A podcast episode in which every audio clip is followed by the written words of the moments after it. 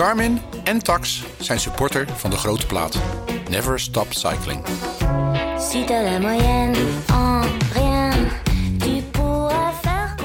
Ja, weg van de waan van de dag. Eventjes dus eh, geen podiumvoorspellingen en parcoursanalyses. Dat, eh, dat hebben we genoeg gedaan dit jaar. Ehm, de tweede van de lange eh, winteredities. Want het is toch al een beetje winter, mag je zeggen. Eh, het is bijna december. Vandaag een hele mooie gast. Eh, die van alles en nog wat combineert. John, jij eh, combineerde vroeger de baan en het wegwielrennen. Ja, Dat, dat, dat lijkt me eigenlijk best wel een lastig ding. nou ja, Dan moet je in de winter en de zomer gewoon altijd goed zijn. ja, dat klopt. Daarom is het ook zo moeilijk om sporten te combineren of eh, takken van de wielersport. Ja. Maar onze gast staat bijna het hele jaar gewoon aan. Ja, en heel vrijwillig, want eh echte liefhebber. Een echte liefhebber. Vandaag staat ze niet aan. Tenminste, ze heeft nog heel even vakantie.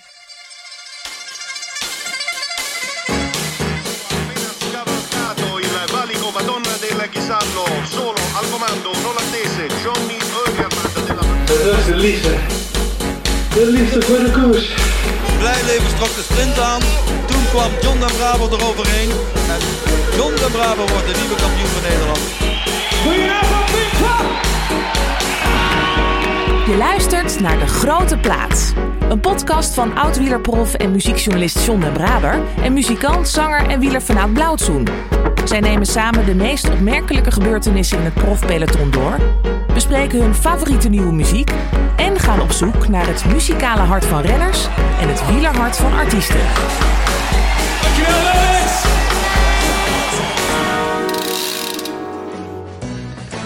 Ze is een allrounder, of beter gezegd een alleskunner. Of het nu gaat over balanceren door de modder, dokkeren over kasseien of het aantrekken van de sprint. Onze gast kun je voor alle wielenklussen bellen. Twee jaar geleden leerde het grote publiek haar kennen door ferme prestaties in de cross. En afgelopen seizoen brak ze definitief door op de weg. Met prachtige resultaten. Een tweede plek in Burgos, algemeen klassement. Een derde plaats in de Amstel. Eindwinst in de Tour de l'Avenir. En zo begon het, haar allereerste World Tour overwinning. De Trofeo Binda. In de cross hebben we haar dit jaar nog weinig gezien. Dat lijkt een voorbode voor meer focus op de weg. Niet zo gek wellicht, want de Olympische Spelen in Parijs staan voor de deur. Welkom Sherine van Anrooy. Dankjewel, een mooie intro. Wat leuk dat je er bent. Ja, ik vind het ook heel leuk om hier te zijn. Je klinkt een beetje hees. Eh, wat, heb, jij een goeie, heb jij een goede stapavond gehad? Of? Eh, nou, in ieder geval een hele leuke bruiloft eh, in Milaan van Elisa Longoborghini, ploeggenootje. Ehm, en ja, mijn stem is eigenlijk al heel erg goed terug, maar nog niet volledig. Oh, dit vind je goed. Ja, vergeleken met eh, een paar dagen terug is hij eh, eigenlijk heel goed. Maar dat was een goed feestje dan in, eh, in Milaan. Of was het in Milaan? Ja. Het was bij Lago Maggiore. Dus we Oh, ja. vlogen naar Milaan en nog even een paar dagen daar geweest. En toen de bruiloft. Maar ja, het was wel een heel leuk feest. Veel ploeggenootjes waren daar. En ik denk iedereen keek er al wel naar uit. Dus ja. ja, het was gewoon heel gezellig. Ehm, maar dat klinkt alsof jij vakantie hebt. Eh, ja, tenminste nu de laatste paar dagen eigenlijk. Ja, we Ehm, nemen dit op, even voor de helderheid, we nemen dit op eh, op woensdag 1 november. En Ja. jij bent nu nog in een soort van vakantiemodus. Ja, deze week mag ik weer wel wat fietsen, maar niet te veel. En ehm, eigenlijk het liefst ook volgens mij niet volgens mijn trainer. Ik ben wel twee keer gewoon gaan mountainbiken omdat ik het iets te lang vond duren. Maar ja, nu 2,5 week eigenlijk niks gedaan. En dan vanaf volgende week weer op gaan bouwen om ja, toch in december weer gewoon het veld in te gaan. Maar vraagt, jij zegt eh, toch wel weer zin om te mountainbiken. Vraagt je lichaam er dan om? om? Of, of ben je dan misschien een beetje bang van... eh, ik moet die biertjes er even aftrainen. Of ik weet niet of je dan een biertje drinkt of zo. Nee, geen bier. Dat lust ik echt niet. Wijn? nee, lust ik ook niet. Geen alcohol. Of bijna niet. Alleen dan eh, het enige wat ik lust is een cocktail, denk waar veel suiker in zit, zodat ik de Ja. alcohol niet zo proef. Ah, Ehm, nee, wat dat betreft ben ik echt niet iemand van de alcohol. Maar eh, nee, ik heb op den duur gewoon ja, veel te veel energie. En dan voel ik me eigenlijk net meer stuiterbal als wat anders. Dus dan kan ik maar beter weer gewoon gaan sporten. Oh ja, precies. hey, maar op, je zegt op zo'n bruiloft, daar zijn, daar zijn veel ploeggenoten. Dat, dat is een gekke setting. Iedereen heeft ineens, ik zag je op je Insta, iedereen heeft ineens een mooie jurk aan. En eh, is dat, hoe, hoe is dat? Hoe is die sfeer dan? Eh, ja, eigenlijk gewoon superleuk. Want ik merk altijd, we hebben gewoon sowieso al veel contact onder elkaar. En daarvoor zijn we met z'n allen een week eigenlijk in eh, Madison en Chicago geweest met ehm, de wegploeg. Ja, ook voor, Dus- voor track, voor je fietsmerk. Ja, klopt. Dus daar zag je ze eigenlijk al heel veel in normale kleding natuurlijk. En ja, ik was gewoon vooral benieuwd hoe iedereen eruit zag. En ook ja, met wie iedereen samen was. Dus hoe de vrouw van Spready was. En hoe dan de man van een van de verzorgsters van ons was. Dus Ja. ja, meer dat ik gewoon Was echt jij- ben- daar heb jij eigenlijk een relatie? Weet ik eigenlijk helemaal niet. Ja, Dus- dus mijn vriend was ook mee. Leuk. Dat is ook een Ja, renner, toch? ja, ook een renner, klopt. Ja, we zijn nu ja, drie jaar samen. Dus eh, ja, die was ook mee naar daar. En ja, die hebben ze dus ook allemaal leren kennen. Ehm, en Het klinkt als één grote familie. Ja, is het eigenlijk ook wel. En ik voel me ook echt super thuis eh, bij de ploeg. En ik heb het gewoon echt naar mijn zin. En het is inderdaad gewoon één grote familie. En ja, daarom was het daar denk ik ook gewoon extra leuk. Heel leuk. Goed om te horen. Ehm, je hebt eh, hele mooie muziek meegenomen. Gaan we zo draaien. We praten natuurlijk over het afgelopen seizoen. Eh, maar we blikken ook vooruit naar 2024. Eerst even, John, naar de reacties. Nou, er wordt eh, flink eh, gereageerd, eh, niet alleen via Twitter en via de Instagram, maar ook op Petje, Petje Af. Ons Ja, wij zeggen petje op. Petje Op, ja. Petjeaf.com. ja. De- mensen die, die ons supporteren en die daar de, een, een donatie doen of een, een vaste bijdrage. Ja, ik kan beter trouwens een vaste bijdrage doen. Want Ja. er schijnt iets zijn als je een donatie doet, dat, dat dan soms dat je geen toegang krijgt tot Ja. exclusieve afleveringen. Dus Ja, klopt. word gewoon lid per maand of per jaar. Ja. Eh, een van die eh, leden is eh, Rogier van het Kruis. Die, die zegt een mooie podcast, leuke gasten en goede gesprekken. Woont zelf in Noorwegen en dit is perfect om zo het Nederlandse wielrennen van dichtbij te kunnen volgen. Nou, wij zijn heel blij dat wij die rol kunnen vervul- vervullen voor jou. Ja, En dus ja, mooi 36 cycling shirt van de grote plaat het nieuwe shirt, hè? komt naar Scandinavië. Leuk, er rijdt daar ook iemand in, de, in dat ene shirt. Zeker. Dus eh, Rogier, stuur ons even een berichtje en dan, eh, dan gaan we dat regelen. Ja, het shirt kun je trouwens ook gewoon kopen. Hè? Eh, Zeker. link daarvan staat in de show notes. En Petje Af supporters, die niet alleen exclusieve afleveringen krijgen, krijgen ook korting. En zingen we bij ons show. Wat zeg je? In de merchandise. Dus, ja, tijdens het tournee ja, Ja. hingen ze bij de show, ja. Eh, en dat zullen ze ook wel blijven hangen, denk ik, eh, de aankomende, het aankomende jaar. Yes. Je luistert nog steeds naar De Grote Plaat. Heb je tips of heb je een vraag? Laat het dan weten via Twitter, het Grote Plaat of Instagram. En laat een reactie en een beoordeling achter op Apple Podcast. Nogmaals van harte welkom, Sherine. Je hebt er een hele, hele tour op zitten, want jij komt helemaal uit Zeeland hierheen gecrossed. Nou, gecrossed niet, gewoon in de auto. Eh Tweeënhalve week al niet echt op de fiets gezeten, dus. Nee, klopt. En ik denk eigenlijk dat het het eerste ooit is dat ik dat op deze manier doe. Eh, normaal is het denk ik maximaal tien dagen geweest de afgelopen jaren. Omdat ik eigenlijk altijd gewoon ja, een beetje maar doorga. En gewoon van het wegseizoen paar dagen rust en dan weer de crossen inga en ook andersom. En ja, nu merkte ik gewoon, het is echt een lang wegseizoen geweest. En ja, toch ook wel echt stappen gezet op de weg die Ja. ik mis- eigenlijk misschien niet meteen had verwacht. En ja, nu ben ik gewoon ja, heel erg benieuwd wat ik eigenlijk op de weg ja, zou kunnen en verder in zou kunnen ontwikkelen. En, ja, Maar je zegt op de weg, en het is een lang wegseizoen geweest, maar daarvoor was het ook al een heel lang crossseizoen. Ja, dat is ook zo. Alleen voor mijn gevoel is altijd de cross het is toch anders. Omdat het, ja, het is gewoon ehm, altijd bijvoorbeeld een hele goede vriend en mijn vader staan in de post, mijn moeder of mijn eigen vriend die staat bij de verzorging. Dus eigenlijk ja, En alles dan een is... uurtje rammen. Ja, inderdaad. Het is inderdaad een uurtje en trainingen stellen niet superveel voor eigenlijk En dan nu, in de nu winter. doe je net alsof de cross helemaal niks voorstelt. Nee, jawel. En, maar het is meer, zeg maar... Oké, tuurlijk, de woensdagtraining is ook super zwaar... want het is een crosstraining. Alleen, ja, voor de rest is het heel veel herstel tussendoor... en kom je ook gewoon niet aan heel veel uur in de Nee. week. Ehm, ja, en dat is eigenlijk uiteindelijk ook het ding... waardoor ik uiteindelijk ook wat crossen moet gaan missen. Omdat ik, ja, ook gewoon meer basis moet gaan leggen voor het wegseizoen. Maar ik weet niet, voor mijn gevoel laat ik juist ook heel erg op... in de winter met de crossen te rijden... omdat ik er gewoon zoveel plezier uit haal. Ja, maar is het, jij zegt, ehm, ik moet crossen missen. Dat klinkt alsof, er, alsof dat niet jouw keuze is. Oh, nee, oké, nee, niet per se moeten missen eigenlijk. Want Ehm, het is wel jouw keus om... ja, ja, het is wel echt mijn keuze. Dus ik heb eigenlijk, ja, het was denk ik na de Giro dit jaar. Wat ehm, ja, best wel gewoon was tegengevallen. En toen kwam ik toch gewoon op een punt van mezelf dat ik dacht: oké, ik moet keuzes gaan maken. En ik wil gewoon ja, stappen zetten. En ik wil niet dan achteraf zoiets hebben van ja, had ik maar dit of had ik maar dat gedaan. Ehm, dus ja, toen eigenlijk gewoon besloten en eigenlijk heel de lijst afgegaan welke crossen ik echt wil rijden. En dat ik Mhm. sowieso minder crossen wilde gaan rijden.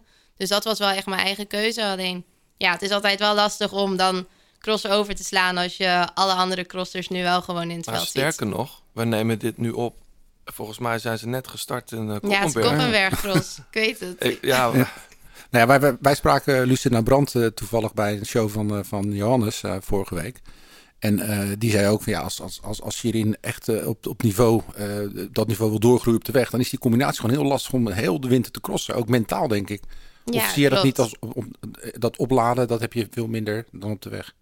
Eh, ja, nee, ik merkte wel gewoon vooral nu. Het is voor het eerst denk ik dat er gewoon meer ja, druk en verwachtingen op staan vanuit ook de buitenwereld in het veld vorig jaar op de weg dit jaar. En je merkt gewoon dat dat toch meer energie kost. Ik weet nog wel, de ploegleidster Ina, die had dat al gezegd vorig jaar. Ik zei van ja, dat Ina valt denk. Ja, klopt. Ja. Ja, dat valt denk ik wel mee, maar um, nee, ze had toch gelijk.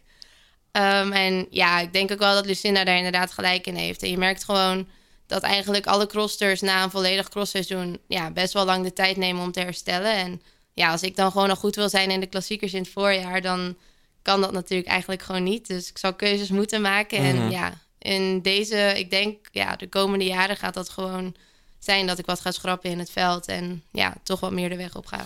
Ja, en over de weg gesproken. Ik had echt het idee, jij won al vrij vroeg eh, in het seizoen natuurlijk de Trofea, eh Trofeo Binda. Echt heel knap. En ik dacht eerlijk gezegd toen, nou, die gaan vanaf nu overal podium rijden. Maar, maar eigenlijk werd je weer terug in je hok gedouwd. Ik weet niet hoe dat gegaan is. Maar, en moest je vervolgens weer echt in dienst rijden voor de andere vrouwen.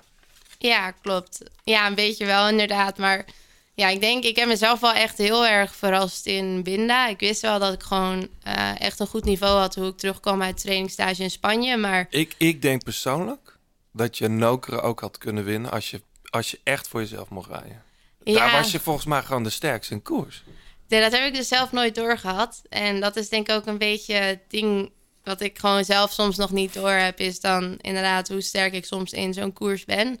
En Nokere, nou ja, ik, zat, ik zag er eigenlijk vooral gewoon heel erg tegenop om überhaupt die koers te moeten rijden. Oh ja? Ja, ik wilde gewoon naar Binda toe. Ik wilde goed zijn in Binda. En ook al, al die valpartijen, Ja. chaos. En Ja. Nee, is gewoon, ik vind dat niet zo'n mooie koers eigenlijk. Ehm, maar ja, ik Ja, was wel, hè, daar. John? Hè? Jij houdt er wel van Nokere. Nou, ik vond het ook vreselijk om te Ja? rijden. Ja, die, die laatste kilometer naar die keien toe. Ja, dan zit die je al echt helemaal. Met, eh, met je Dat- broek vol hoor. Dat is de ergste. En ik vind Ja. alle kasseien klimmen leuk, maar op de een of andere manier, die Nokerenberg ligt me echt totaal niet. En ik Dat was niet te zien. Nee, nee ja, ik had eigenlijk gewoon een hele goede dag. Ehm, en ja, ik reed daar inderdaad gewoon echt in dienst voor ploeggenootje Elisa Balsamo. Eh, die was daar ook wel heel goed, maar die viel ook nog op een heel ongelukkig moment toen ze eigenlijk wel mee zat. Ehm, maar Ja, in die bocht. ja, Ja. klopt. Ja, zag ik ineens een rode fiets de lucht in gaan. dat was heel Geen goed fijn. teken. Ja. Dus toen wist ik dat ik eh, op kop mocht gaan rijden om proberen terug te brengen. Maar ja, ik vind dat ook eigenlijk helemaal niet erg om te doen. En eh, ja, toen wel meteen na de wedstrijd zei Ina van... oké, nu gewoon echt goed uitrusten en naar Trofeo Binda toe gaan... en er gewoon echt zelf in geloven en ook gewoon echt proberen zelf voor een resultaat te gaan. Of Ja, in dat ieder mocht geval... daar dus ook. Ja, en dat was eigenlijk ja, een van de eerste keren, denk ik, dat dat zo was. En ehm, ja, ik had ook gewoon... Ik moet zelf ook gewoon iets meer durven te verliezen in een koers. Mhm. Eh, en iets minder opkijken naar ja, alle goede rensters om me heen. Eh, en dat was die ochtend van de wedstrijd ook nog een paar keer benadrukt door ploeggenoten Oh ja? en allemaal. Ja, en ik geloofde er nog niet zo in. Dus ik had ook gewoon... Ja, iets heel doms. Maar wij hebben twee verschillende helmen bijvoorbeeld. Ja. Eh, de Velocis en de Ballista. Maar de ene is eigenlijk gewoon een klimhelm... en de andere is gewoon ja, meer die aerohelm. Ja. En ik had gewoon die klimhelm opgezet. En toen zei iedereen, ja, wat nou? Als je in je eentje vooruit zit... dan wil je natuurlijk wel gewoon wattages besparen. Dus ik zei, nee, nee, ik doe gewoon die andere helm op. Dat gebeurt toch niet? En eh, toen zeiden ze, ja, nee, je moet hem gewoon opzetten. Dus ik had hem opgezet voor het eerst ooit. En toen won ik natuurlijk die wedstrijd. Dus Heb je die helm de- rest van het seizoen eigenlijk opgehad? ja, bijna wel. ik heb hem niet meer... ik heb hem bijna trouwens? altijd nog gedragen. Scheelt dat eigenlijk echt? Ja, dat, tuurlijk, dat scheelt wel wat wattages. Volgens mij scheelt het ehm, bijna 10 watt. Dus het scheelt echt wel veel. Ja. En Ja, ik heb toevallig die week daarvoor een review moeten geven via de ploeg over die helm. Ik zei, ja, ik heb hem nooit op en ik ga hem denk ik ook Welk- niet welk opzetten. merk, eh, welke merk? Van Bontrager. Ja, van, ja, precies. Ja, en ik zei, ja, die doe ik dus ook nooit op. En ineens die week daarna zei ik, oké, ik wil een nieuwe review insturen. Ja. Want het is denk ik mijn favoriete helm nu. Uh, maar nee, ik had gewoon die ochtend nog met, uh, ja, eigenlijk de mental coach van onze ploeg een gesprek gehad. En die Mhm. zei ook dat ik er gewoon eens een keer met een andere instelling in moest gaan. Ja. En zelf moest geloven dat ik het kon. En, Maar ben je ja. daar een soort van geboren als winnaar? Is, is daar iets losgemaakt in jou waarv- waarvan je denkt, ja, ik kan dit dus gewoon? Ik bedoel, deelnemersveld Ehm, ja. was wel serieus. Ja, klopt. Ik denk het wel. Ik denk vooral als ik daarna dan de uitslagen bekeek en zag wie er de afgelopen jaren allemaal hadden gewonnen. eh, Ik- Dat het toen iets dat belletje ging rinkelen. Het is trouwens echt een mooie koers. Ik vind het een van de leukste koers in het voorjaar eigenlijk. Ja, het is ook een van mijn favoriete koersen. En eigenlijk ook, ik ben daar als eerstejaars junior gestart. En ik reed als nieuweling, heb ik denk twee koersen gereden. En toen was Loes Gunnewijk, de bondscoach, die vroeg of ik als eh, junior... dat was toen de eerste koers die mee wilde gaan met de KMU. Ja. En ja, toen heb ik eigenlijk het wielrennen echt meer ontdekt. En ben ik meer de weg op gegaan. Dus het was wel heel speciaal om ook die koers nu te kunnen winnen bij de elites. Ja, want we zeiden het al in, in de introductie. Je hebt dat voorjaar, het was nog even vergeten, maar je was gewoon, je reed top 10 ook nog in dwars Vlaanderen, in Ronde van Vlaanderen. Je werd vijfde in de Brabantse Pijl, nou derde in de Amstel. Ja, eh, en, en vijftiende in Luik en Wallonië. Ja, klopt. Of eh, in, in de, de Waalspel bedoel ik. Maar dat zijn bijna kop eh, vrouwenwaardige prestaties, toch? Ja. Ja, ik had het ook helemaal niet verwacht op die manier. En ehm, ja, de eerste koer was eigenlijk de eerste keer ooit dat ik dwars door Vlaanderen, Ronde van Vlaanderen, dat ik al die koersen reed. Ehm, en ja, ik was denk ik daar ook heel erg gebrand, omdat ik gewoon een beetje boos was op mezelf over Gent-Wevelgem. Omdat ik toen ja, in die groep zat voor plek 2. En we werden toen teruggepakt op, ik denk, 100 meter van de finish. Ja. En ja, daar durfde ik zelf ineens gewoon niet meer voor de aanval te gaan. Omdat ik eigenlijk bang was dat ik of een verkeerde keuze maakte. Of dat, ja, inderdaad, dat ik een domme keuze zou maken. Terwijl mijn ploeggenootjes met alle ervaring wel de goede keuze zouden maken. Wat ik, wat ik trouwens zo leuk vind aan je, is je praat erover alsof het gisteren gebeurde. Maar dit is gewoon afgelopen voorjaar. Ja, Dat- klopt. maar het lijkt dat nog zit best zo wel... in je kop nog. Ja, het lijkt best kort geleden eigenlijk nog. En ook gewoon omdat je ja, toch nu alweer bezig bent met, Met de- diezelfde ja, koers. met diezelfde koersen. En richting klassiekers van volgend jaar. En dan ja, ben je er toch gewoon alweer wel mee bezig. En ja, merk je ook gewoon, oké, ik wil volgend jaar goed zijn in Vlaanderen bijvoorbeeld. Ja, dan blijft die koers van vorig jaar toch ook nog wel opnieuw afspelen in je hoofd. Ja, maar ik kan ook wel een beetje antwoorden eh, op het voorjaar. Want ik heb jou heel veel koersen gezien. Maar jij bent, was altijd de eerste die op kop ging. Als er een gaatje viel of er was iemand weg, dan was jij... Ze hoefde niet twee keer tegen jou te zeggen dat je niet rijden. Ik vond het zelfs iets te snel. Ja, dat, dat, maar is dat, is dan ook van, nou, dan, dan, dan is iedereen tevreden. Dan, dan heb ik mijn werk gedaan. Dan, ben ik, dan krijg ik niet op mijn kop na afloop in de bus. Dat ook wel. Ik ben sowieso iemand die gewoon ja, graag doet wat me verteld wordt. En ja, ik hou ook gewoon echt niet van of iets van een conflict situatie of een soort spanning. Dus ja, uiteindelijk ben ik meestal wel degene die het dan denk ik oplost. Eh, maar ook denk ik omdat ik weet wat ik nu voor hun doe. Eh, zodra ik in de Ja. situatie zit om ook een koers te kunnen winnen, doen hun het ook ja, dubbel en dwars terug voor mij. En dat zag ik bijvoorbeeld ook in Trofeo Binda. Dus ja, ik denk ook wel gewoon dat het een stukje is wat gewoon in mijn karakter zit. Om gewoon, ja, proberen iedereen te helpen. Nou, ik vind het ook wel een hele goede eigenschap hoor. Want ik kan duidelijk horen dat jij respect hebt voor die renners met een erelijst. eh, voor- voor je collega's. En dat je ook gewoon moet investeren om later eh, eruit te halen. Dus, eh, Klopt. Maar Maar- soms kan het ook wel mijn valkuil zijn. Omdat ik gewoon veel te snel gaten dichtrij. Ja. In plaats van het andere Ja. mensen op te laten lossen. Hey, de naam Ina is al een paar keer gevallen. Ina Teutenberg. Eh John, jij hebt daar eh, gesproken. Ehm, die zegt dat de rol van helper zou best wel eens in het verleden kunnen liggen. Je bent het een beetje ontgroeid. Dat belooft iets voor 2024. Ja, het zijn mooie woorden. Of heb je het met haar er nog niet over gehad op die manier? Jawel, zeker wel. Ja. Of in ieder geval een paar weken terug eh, in Amerika. En ja, ik denk dat het voor het eerst eigenlijk ooit is dat het echt op die manier gaat zijn. En ja, ik kijk er wel echt heel erg naar uit. En ze heeft het inderdaad ook Je gezegd. begint ook te stralen. Ja, maar dat is natuurlijk ook het doel. Of tenminste, sommigen die vinden het prima om gewoon... eh, ja, wat natuurlijk ook heel goed is, om gewoon altijd knecht te blijven. Maar ik ben begonnen met sporten en ik wil gewoon heel graag winnen. Ja. En dat is gewoon echt het doel. En ja, als je dan nu die stap hebt kunnen zetten tussen zo'n grote... Eigenlijk in zo'n grote ploeg... En uiteindelijk zelf die rol kan krijgen als kopvrouw. Dan ja, dat is gewoon iets waar je eigenlijk al van droomde als je de ploeg inkomt. En uiteindelijk is gewoon zo naar boven geknokt dat het ja, waarschijnlijk volgend jaar ook in veel koersen zo gaat zijn. Wat, wat voor stappen zou jij nog moeten zetten? Lucinda, die we dus ook spraken in de backstage nog. Ik zei, ik zei tegen Lucinda, wat doe je hier eigenlijk? Ja, Die komt altijd overal ik tussen ben, nog, volgens ik, mij. ben nog, ik ben nog ge- geblesseerd, dus ik mag nog een avondje uit, zei ze. Ja. Het was ook in Dordrecht, hè? Nou, ze heeft niet de socials gedeeld. gedeeld dus, eh, Oh, dus ik mag het misschien helemaal niet zeggen.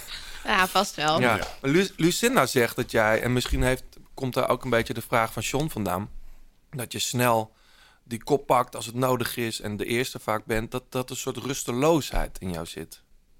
Ja, dat klopt denk ik Is, wel. is dat iets waar je, waar je iets mee moet om, om, om een stap te zetten? Of is dat juist iets, iets heel goeds wat je in je hebt? Ik denk een combi van. Eh, ik denk soms wordt het denk ik wel beloond. Maar, want ik heb ook altijd wel gewoon, ook van thuis uit had geleerd van... Ja, aanvallen loont uiteindelijk wel een keer. Dus als je het gewoon blijft proberen, dan vanzelf komt er dan misschien wel een overwinning uit. Maar ja, ik denk dat dat ook wel mijn valkuil is. Maar dat dat soms meer het stukje is dat ik dan niet durf te verliezen. Dus dan maar het gat dichtrij. En vervolgens alsnog verlies, omdat er iemand anders wel durft te verliezen. Ja, Dus ja, ik denk wel dat dat inderdaad gewoon voor mij een valkuil is. Maar het scheelt ook wel dat ik daarvoor, net als een Lucinda en Elisa om me heen heb... die me daar ook in proberen af te remmen. Omdat die gewoon zoveel meer ervaring hebben. ja. Het is wel leuk om heel even te luisteren naar deze meneer. Jij kent hem goed en de, jullie kennen zijn stem. Gerin van Androoy is een renster met een hele grote motor. Die van nature uit is opgegroeid vanuit de triathlon, aan veldlopen heeft gedaan. Dus redelijk veel disciplines onder de knie heeft, waardoor ze zich ook heel snel aanpast als ze van de crossfiets op de wegfiets stapt. Ehm, door haar grote motor een hele goede tijdrit in de benen heeft, een lichtgewicht is, waardoor ze ook vrij aardig klimt en daardoor ook in het rondewerk heel goed tot haar recht komt. Dus het is een echt werkpaard die heel graag de grenzen opzoekt eh, van haar eigen lichaam. Eh, soms wel eens moet afgeremd worden in plaats van gemotiveerd. Altijd de smile, altijd eh, in steun van haar ploeggenoten. Dus fantastische atleten om in de ploeg te hebben. Iemand die ook de anderen enorm kan motiveren om zichzelf naar een hoger niveau te tillen. Dus ehm, zeer blij dat we met Shirin van Androoy mogen werken. Ja, voor de mensen die de stem niet herkennen, dit is natuurlijk Sven Nijs, jouw, jouw trainer bij, of ploegleider bij de cross, hè? Ploegleider bij de cross. Ploegleider. Ehm, een hele mond vol. Eh, Een paar dingen die opvallen. Je hebt een grote motor. En hij zegt, en dat wist ik helemaal niet, jij hebt je bent een triatleet eigenlijk van origine. Ja, klopt. Of tenminste, ik heb ook wel altijd gefietst, vooral gecrossed. En Ja. ook wel gemountainbiked eigenlijk. Maar eh, ja, eerst focuste ik gewoon de meeste op de triathlon en vooral op de atletiek. Ja. Maar ja, uiteindelijk kwam toen de kans om eh, na de junioren de overstap te maken. Of eigenlijk als tweedejaars junior, als stagiaire de overstap te maken naar toen nog Trek Segafredo. En ook de crossploeg. En ja, toen was de keuze eigenlijk snel gemaakt. Ja. Dat wel, maar ja, ik mis het lopen soms nog wel. Triathlon iets minder. Ik hield niet zo van zwemmen. Ook wel een groot onderdeel ervan. Maar ehm, Ik, ik, Ja. ik blijf, ik had daar van, de, van het weekend met iemand een eh, gesprek over wie ooit die volgorde van het triathlon bedacht heeft. Maar goed, het is een heel ander onderwerp. Maar je begint in het water, Ja. dan ga je fietsen en dan ga je lopen. Terwijl de hoogste vorm is toch eigenlijk het fietsen. Dat zou toch... Nou, maar, wat, wat denk je hoe je fietst als je 40 kilometer gelopen hebt? nee, maar dat, Dit is dat, denk denk ik... geen pretje meer. Nee, dit is wel een beetje maar het lopen hoor. is na zoveel kilometer fietsen ook niet altijd meer leuk. Ja. En het zwemmen is eigenlijk... Ja, ik hield sowieso niet van het zwemmen. Dus bij mij begon de triathlon gewoon zodra ik het water uit was. maar oh, het ergste moment is gewoon als je die heartbeat sound hoorde... en dan met z'n allen het water indook... en gewoon wist dat het een gevecht was in het water. Dat is een ander soort stress, denk ik, dan dat je gewoon bij, bij de cross staat te wachten. Voordat... Ja, een hele andere stress. Maar ik moet zeggen, ze hebben nu bij de wereldbekers... ook die heartbeat sound geïntroduceerd bij de start. Oh, ja. Dus die, dat stressgevoel komt er wel weer een Oh, beetje ja. bij. Eh, maar ja, op de weg is het natuurlijk gewoon heel anders. Want Ja, en dan- daar sta je ja. meestal vooraan ook natuurlijk bij de, bij de cross nu, toch? Ja, klopt. Bij de cross eh, nu nog wel. Ik hoop dat het in december nog steeds zo is. Maar ja, verder wegzakken dan rij 2 gaat hopelijk niet gebeuren. Ja, want wanneer is jouw eerste cross gepland? 2 december. Ja, Ja, dan ga ik weer van start in Boom. En dan meteen ook de wereldbeker in Flamanville. ja. Daarna ga ik wel weer terug naar Spanje. En dan ben ik wel weer terug vanaf Namen. En maar dan de die naar volledige Spanje kerstperiode. betekent eh hoogtestage of in ieder geval Gewoon trainingsstage. Trainingsstage. Ja, ja, doen- doen de meeste crossers toch wel? Die gaan eventjes eh, twee weken tussenuit. ja, veel wel. Eh, ik ga nu zelf ook al in november. En dat is echt gewoon ja, als investering voor de klassiekers en het wegseizoen. En dan december stage is zoals ik het alle jaren heb gedaan... om fris en opgeladen de kerstperiode in te gaan in het veld. Maar wat jij zegt, investering alvast voor het wegseizoen. Hoe moet ik me dat dan voorstellen? Want je gaat dan niet op hoogte, dat, dat slaat nog nergens op rond die tijd. Nee, klopt. Maar is dat dan het weer? Of, of ja, hoe, hoe, moet, hoe moet ik dat zien eigenlijk? Vooral denk ik voor het eerst voor mezelf dat ik een basis kan gaan leggen op de weg. Normaal gesproken ga ik gewoon meteen het veld in en dan kan ik misschien één keer per week een duurrit doen van drie tot vier uur. En de Ah, rest is ja. alles herstellen. En nu kan ik gewoon eigenlijk een maand lang een schema volgen zoals alle wegrenners dat doen in november. En dat gaat om duur. Ja, het gaat eigenlijk alleen maar om duurvermogen. Want ik en merk de heel. zon. En de zon. Ja, dat is natuurlijk, dat maakt het duur wel makkelijker. En dat maakt sowieso het klimmen daar. Ik fiets daar gewoon heel graag echt lang. En dat is thuis gewoon toch iets lastiger. Ja. En ja, ik merk gewoon heel erg. Ik probeer nu altijd alles, alle duurtrainingen te proppen in februari. Om nog zoveel mogelijk duur te hebben en basis om de klassiekers in te gaan. Maar ja, aan het einde van de klassiekers herstel ik niet meer zo goed en ben ik ook gewoon minder. Terwijl ik eigenlijk Ja. altijd heel graag heel goed zou zijn in Luik. Dus ja, nu wil ik gewoon een keer kijken of het ja, ook loont om heel november gewoon echt te investeren. Hey, en je zegt, je hebt het over thuis. Dat is nu nog Capelle. Ja, nu Eh, nog wel. We hadden het net voor de, voor de opnames even over. Ik, ik ken Capelle vooral van Jo de Roo. Die won twee keer natuurlijk de Ronde van Lombardije. Ik ben ooit bij hem thuis geweest. Kreeg ik nog eh, ei, eitjes van hem mee. Van zijn kippen. Dat heb ik altijd onthouden. Heb je hem wel eens ontmoet, die man? Ja, dat wel. Dat is echt een legend daar, toch? Ja, ja hij is sowieso wel heel bekend bij ons. Hij had ook een eigen toertocht, heeft hij. Ja, Volgens mij kon hij nog dit steeds, jaar... voor- ieder jaar. Ja, alleen dit jaar... Ik, ik heb dat van iemand begrepen. Ja, wie zei dat ook alweer? Een van de luisteraars die tipte ons van... Ja, hij heeft dit jaar voor het eerst een toertocht zelf niet mee kunnen rijden. Maar de toertocht bestaat nog wel, De ja. toertocht bestaat nog steeds. Ja, en er is ook de Jodero-route door Zeeland. Ja. Dus ja, het is wel gewoon ehm, ja, een bekend iemand bij ons, vooral in de fietswereld. Ja, hey, maar Capelle is, is eh, nu nog je thuis, maar ik begrijp dat jij naar... Ja, naar Maastricht. Ik heb een paar weken terug, eigenlijk tijdens de Simac Tour, eh, een bezichtiging gedaan bij een huis en een huis Tijdens de. Simac Tour. Ja, in overleg met Ina was het toegestaan om na de tijdrit door te rijden. Dus dat was wel heel erg fijn. En Maar toch niet in je, in je tijdritpak? nee, Ik vond Dat de tijdritfiets niet. langs het nieuwe huis. Op je wielerschoenen. Oh, Dat zou wat zijn, wat maar- leuk. Dus je gaat in Maastricht wonen? ja, in Maastricht en samen met mijn vriend. Ja. En die komt daar vandaan.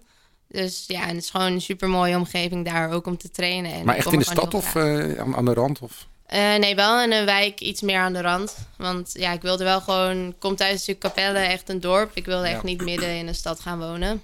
Maar ja, En dit- aan de rand rij je zo de heuvels in, toch? Ja, je bent gewoon meteen de heuvels in. Ook meteen richting de Ardennen. Dus ja, het is gewoon echt een hele mooie locatie.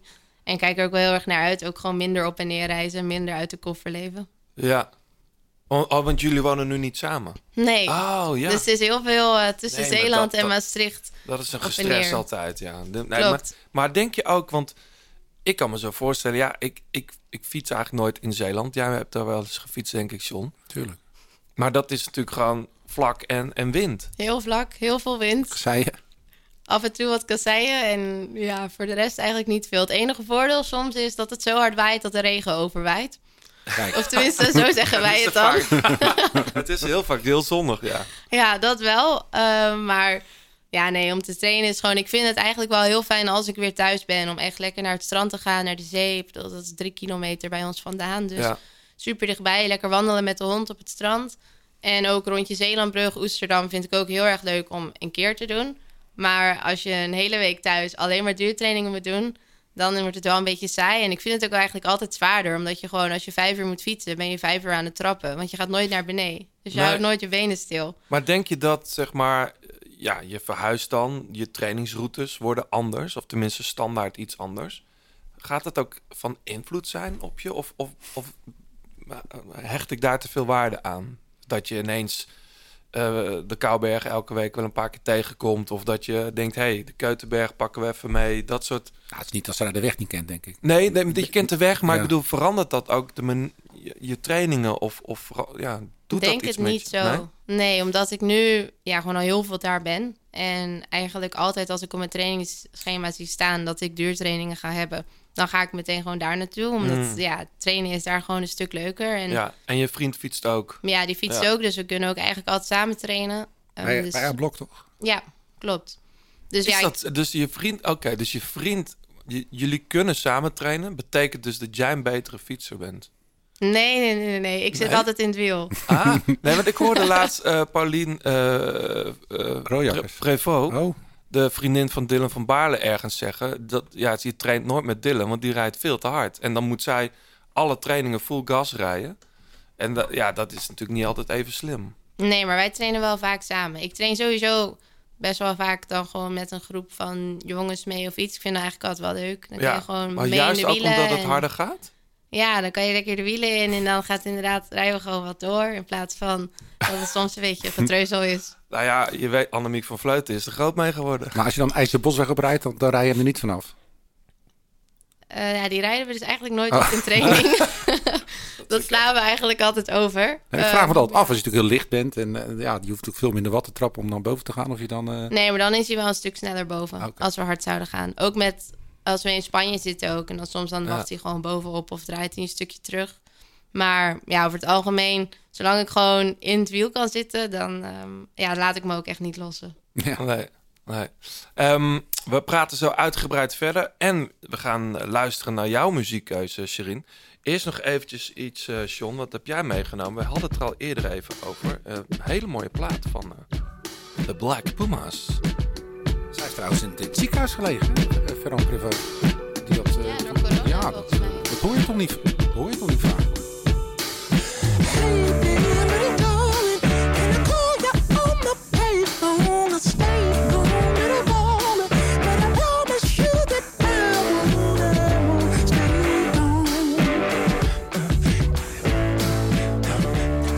Ja, John. Ja, Ik heb de plaat toevallig ook al een paar keer opgehad. Ik ben er eh, heel blij van. ja. Waar, waar, waar luisteren we naar? Dit zijn de Black Pumas. Die komen uit eh, Texas. En eh, vier jaar geleden met een eh, titeloos debuutalbum maak ik eh, de wereld een beetje omvergeblazen, de muziekwereld. Een grappig verhaal. eh, Eric Burton was een eh, straatmuzikant. En die, eh, die leerde Adrian eh, Quesado kennen. Die al eh, veel bandjes had gezeten. En die zijn samen deze, ja, hoe noem je het? Psychische soul. Psychedelic Soul. Psychedelic Soul eh, band begonnen. En eh, ja, ze hebben net een nieuwe plaat uit. Ja. Chronicles of a Diamond. En het is een echt een heerlijke, heerlijk, heerlijk album. Ja, dit liedje heet Ice Cream. Ja. En tussen haakjes staat erachter Payphone. Geen idee waar het over gaat.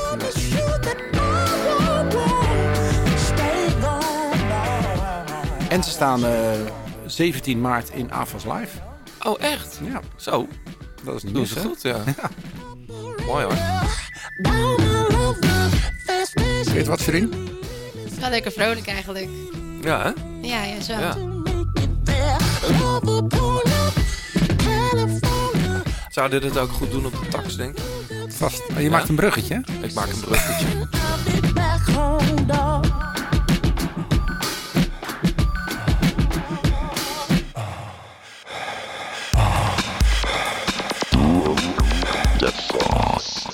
Ja, want over tax gesproken, eh, wellicht heb jij hem al gedaan. De grootplaat tax workout die we samen met Jumbo-Visma Head of Performance Mathieu Heijboer hebben opgenomen. Een uur lang afzien, vond ik. Hoewel, er zitten twee grote herstelblokken in, maar die zijn ook wel nodig. Eh, des, deskundig commentaar. Muziek natuurlijk door John en mij gecureerd. En ehm, ja, John, heb jij, hem- jij hebt hem nog steeds niet gedaan. Je bent, nog niet gedaan. je bent nog niet bezig met je basis. Want dit is namelijk een, een training die bedoeld is om je basisuithoudingsvermogen te verbreden, zoals eh Mathieu het zo mooi zegt. Ja. Eh, hij zegt zelfs dat als je dit een uur doet, het staat een beetje gelijk aan de, het effect op je lichaam met eh, vier uurtjes eh, rustig peddelen buiten. Ja. Nou ja, dat is in de winter natuurlijk wel lekker. Mhm, zeker. Zit jij, zit jij op zo'n ding, op zo'n tax of op een... Zo min mogelijk, Ja, hè? eigenlijk. Ja. Maar ik moet zeggen, ik ben ook niet iemand die in de regen buiten gaat trainen. Of toch, als het eh, een lange training is, dan ga een ik... crosser echt helemaal niks. Erg eigenlijk, hè?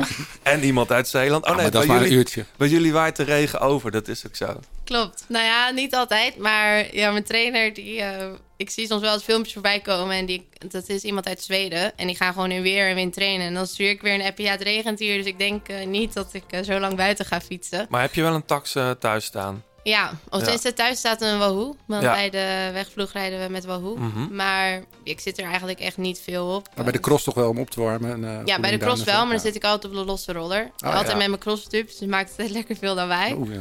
Ja. Maar ja, als het regent, dan nu ga ik er wel iets meer op. Maar ik had er vroeger echt zo'n hekel aan. En Ja. nog steeds wel een beetje. Alleen ja, het is wel gewoon echt een goed alternatief om er een training op te doen als het regent. Dus nu ga ik er soms wel iets sneller op als dat ik dat misschien voorheen deed. Nou ja, zit je mocht... een serietje te kijken of doe je Zwift? Of, eh, Swift staat aan. Gewoon zodat ik zie hoe lang ik bezig ben. Maar ondertussen kijk ik wel altijd een serie of een wedstrijd. Of soms Dat is lekker. ergens aan te pikken of zo, of met een groepje. Of, Een crosswedstrijd is lekker om te kijken. Het is gewoon een uurtje. het is ideaal. Dat Ja. vind ik Echt ook perfect. hoor. heb ik ook vaak gedaan. Ja, en dan, en dan in dit geval dan met, met jouw heiboer op je oren. Mhm. Eh, dat is een goed, goed besteden tijd eh, in de Zeker. winter. Eh, over tax gesproken, ik zei het al, het is natuurlijk een onderdeel van Garmin. Dat is een heel ecosysteem. Jullie gebruiken geen Garmin meer, geloof ik, bij, bij Little Trek, of wel? Bij Lidl Trek niet, bij de crossploeg wel. Ja, dus dat nou, is maar eerder wel bij. Little Trek. Bij uh, Trek Fredo nog wel. Weet ik eigenlijk niet. Volgens mij toen ik bij de ploeg kwam was het meteen wel hoe. tijd, ja. Ja, maar Ja. daarvoor reden ze volgens mij wel met Garmin. Ja. De Garmin's, eh, je kent ze natuurlijk van de Edges. En natuurlijk ook van die SPD-pedalen die je kan krijgen om je om, kan kopen om je vermogen te meten. Is weer gekoppeld aan je Edge. De smartwatches waar je steeds meer mensen mee ziet, die meten natuurlijk ook heel goed eh, je, hartslag. Zodat je aan het einde van de dag of aan het eind van een training of de dag na een zware training precies kunt zien of je goed bent uitgerust en hersteld voor een volgende training. Ehm de Tax natuurlijk, ik zit er met heel veel plezier op. Ehm, ik heb hem laatst ook even schoongemaakt. Dat was een goede tip voor jou, John. Ja, dat is toch wel na één winter. eh, wel nodig, ja. dat is toch wel nodig.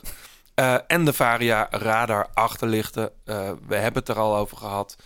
Ehm, ja, als je wel de weg op gaat. En het is natuurlijk heel vroeg donker al tegenwoordig. ja. En die, die zijn fel, die dingen. Die zijn heel fel. Oh, ik reed een toertocht, een meewindkoers. Ja. En eh, een groepje reed me voorbij. Ik zag ze een kilometer later, zag, ik- verder zag ik ze nog Ja, rijden. het is super veilig. Ja, het is echt je moet ze alleen wel, ik weet niet, je kunt die lampen ook eh, op knipperstand zetten. En Ja. zo. Dat moet je niet doen in Nederland. Nee? Nee, daar haalt de politie je gewoon van de weg. Oh, oké. In, ja, dat is echt zo. Oh, echt? Ja, dat wist ik ook niet. Ik dacht dat is lekker veilig. Zo'n ja, lampje. val je tenminste lekker val je op. op. Maar in Nederland mag je alleen met knipperende lampen rijden als je een, eh, een in de ambulante eh, zorg zit en eh, politie of brandweer bent. Als je pech hebt dan, heb je toch ook je knipperlicht aan? Nee, maar dit, het mag niet. Er staat zelfs een boete op. Ik weet niet hoeveel. Dus laat je varia achterlichten gewoon op de permanente stand aanstaan. Of in Spanje op je knipperlicht. In Spanje mag het wel, hè? Denk het, ik Maar weet in niet. Ik rij in Spanje vaak met het knipperlicht aan. Ja, Dus- maar volgens mij is het een tijd bij jullie ook verplicht geweest in de ploeg als je ging trainen dat je zo'n lamp had. Tenminste, ik heb ja, dat hebben ze wel eens, eh, geprobeerd in ieder geval. je dus bent- iedereen kreeg die kleine vierkante lampjes. Mm. En dan ja, kon je die aanzetten. En ja, ik ben ze ook wel eens vergeten natuurlijk. Ja, Denk natuurlijk. iedereen wel, of dan waren ze leeg. Maar Ja. Ja. ja, in Spanje probeer ik ze wel gewoon vaker op te hebben. Want het is toch gewoon ja, een stuk veiliger. Ja. Tunneltjes en zo. Ja. Eh, Wil je nou weten hoe dat hele ecosysteem van Garmin in elkaar zit en, eh, en wil je ook een tax kopen? Ga dan even, of iets anders uit het, het Garmin wereldje. Eh, ga dan naar garmin.com slash... Nee, gewoon naar garmin.com. Ja. De grote plaat Dilemma's. Sherine, ik weet niet, eh, luister jij wel eens naar de grote plaat? Ja, Dan weet jij ook dat wij met eh, heel veel gasten de grote plaat dilemma's doen. Zo, Ja, ook, klopt. met, zo ook met jou. Eh, ik leg het nog even uit voor de mensen die het niet kennen. Ehm, we noemen een aantal stellingen of dilemma's. En jij moet reageren met ja of nee. Of je kiest één van de twee kwaden. is goed. Ik ben heel slecht daarin, want ik heb, sta echt bekend als iemand met keuzestress. Maar Nou, ik, dan geef ik je één tip. Niet nadenken, gewoon meteen roepen. En dan kun je er later op terugkomen. oké, is goed. Ja? Ben je er klaar voor? Zeker. De weg of het veld? Die is heel gemeen. ik wist al dat die zou komen. Mag ik hier gewoon op terugkomen? Ja. Pasta of pizza? Pizza. Annemiek van Vleuten is de sterkste renster waar ik ooit mee reed. Denk het wel, ja. Fem van Empel of Buck Pietersen? Oh, ik wist dat deze ging komen. Ik had het er gisteren nog over thuis. Ehm, ja, maar in wat voor optie? Oh, ik moet kiezen. Je moet kiezen. Je mag er straks op terugkomen. Oh, dit is heel gemeen. Ehm eh, Puk, maar ik wil er dan wel op terugkomen. Ja. Durven verliezen is moeilijker dan willen winnen. Ja. Ooit sta ik op het podium van de Tour de France. Eh, ja. Ik word nog wel eens zwetend wakker van die sprint op de Vanberg tijdens het NK. Zweten niet, maar ja. Je moet geobsedeerd zijn met koers om een goede wielrenner te worden. Ehm, ik denk het niet. De Spelen in Parijs staan hoog op mijn verlanglijstje. Ehm, het is gek om nee te zeggen, maar hier wil ik op terugkomen, maar ik denk het niet. Ik ben veel te bescheiden om een winnaar te zijn. Misschien? Binnen nu en vijf jaar win ik de Amstel Gold Race. Oeh. eh, Ja joh. Oké. Ja. Ehm, bioscoop of Netflix? Netflix. De renners zijn meestal gevaarlijker dan het parcours. Ja. Ik luister liever naar mijn lichaam dan naar mijn trainer. Ja, ook wel, denk ik. Volgens Roxanne Kneteman groeit het vrouwenwielrennen te snel. Ik ben het er wel mee eens. Mm, ja, denk ik aan de ene kant, maar ja, ik heb het alleen nog maar meegemaakt nu de groei er echt is. We gaan op veel dingen terugkomen, denk ik. Dat denk ik ook. Ik zei het Ja. al, keuzestress. Ja, waar wil je op terugkomen, Shirin? Na de allereerste denk ik al. Ja. De weg of het veld. Ja, dat vind ik altijd een hele gemene vraag van iedereen. Omdat eigenlijk iedereen weet dat ik niet het goed kan kiezen. Ehm, en ja, het is nu wel, ik ga wel wat meer focussen op de weg. Maar dat is niet per se omdat ik de weg echt leuker vind als het veld. Dus daarom vind ik dat altijd een hele lastige. Als ik echt zou moeten kunnen kiezen, dan kan ik denk ik ook niet kiezen.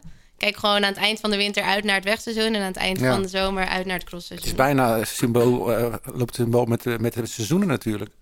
Als je in de winter denkt van straks lekker weer zomer, in de zomer straks lekker weer winter. Ja, Ja, maar dat doen wij toch ook, John? Wij gaan toch ook lekker gravelen of Ja. mountainbiken in de, in de winter? Hoewel mountainbiken eigenlijk een zomersport is. Nou, voor wielrenners niet hoor. Nee, voor Nee, voor wielrenners. Nee, niet.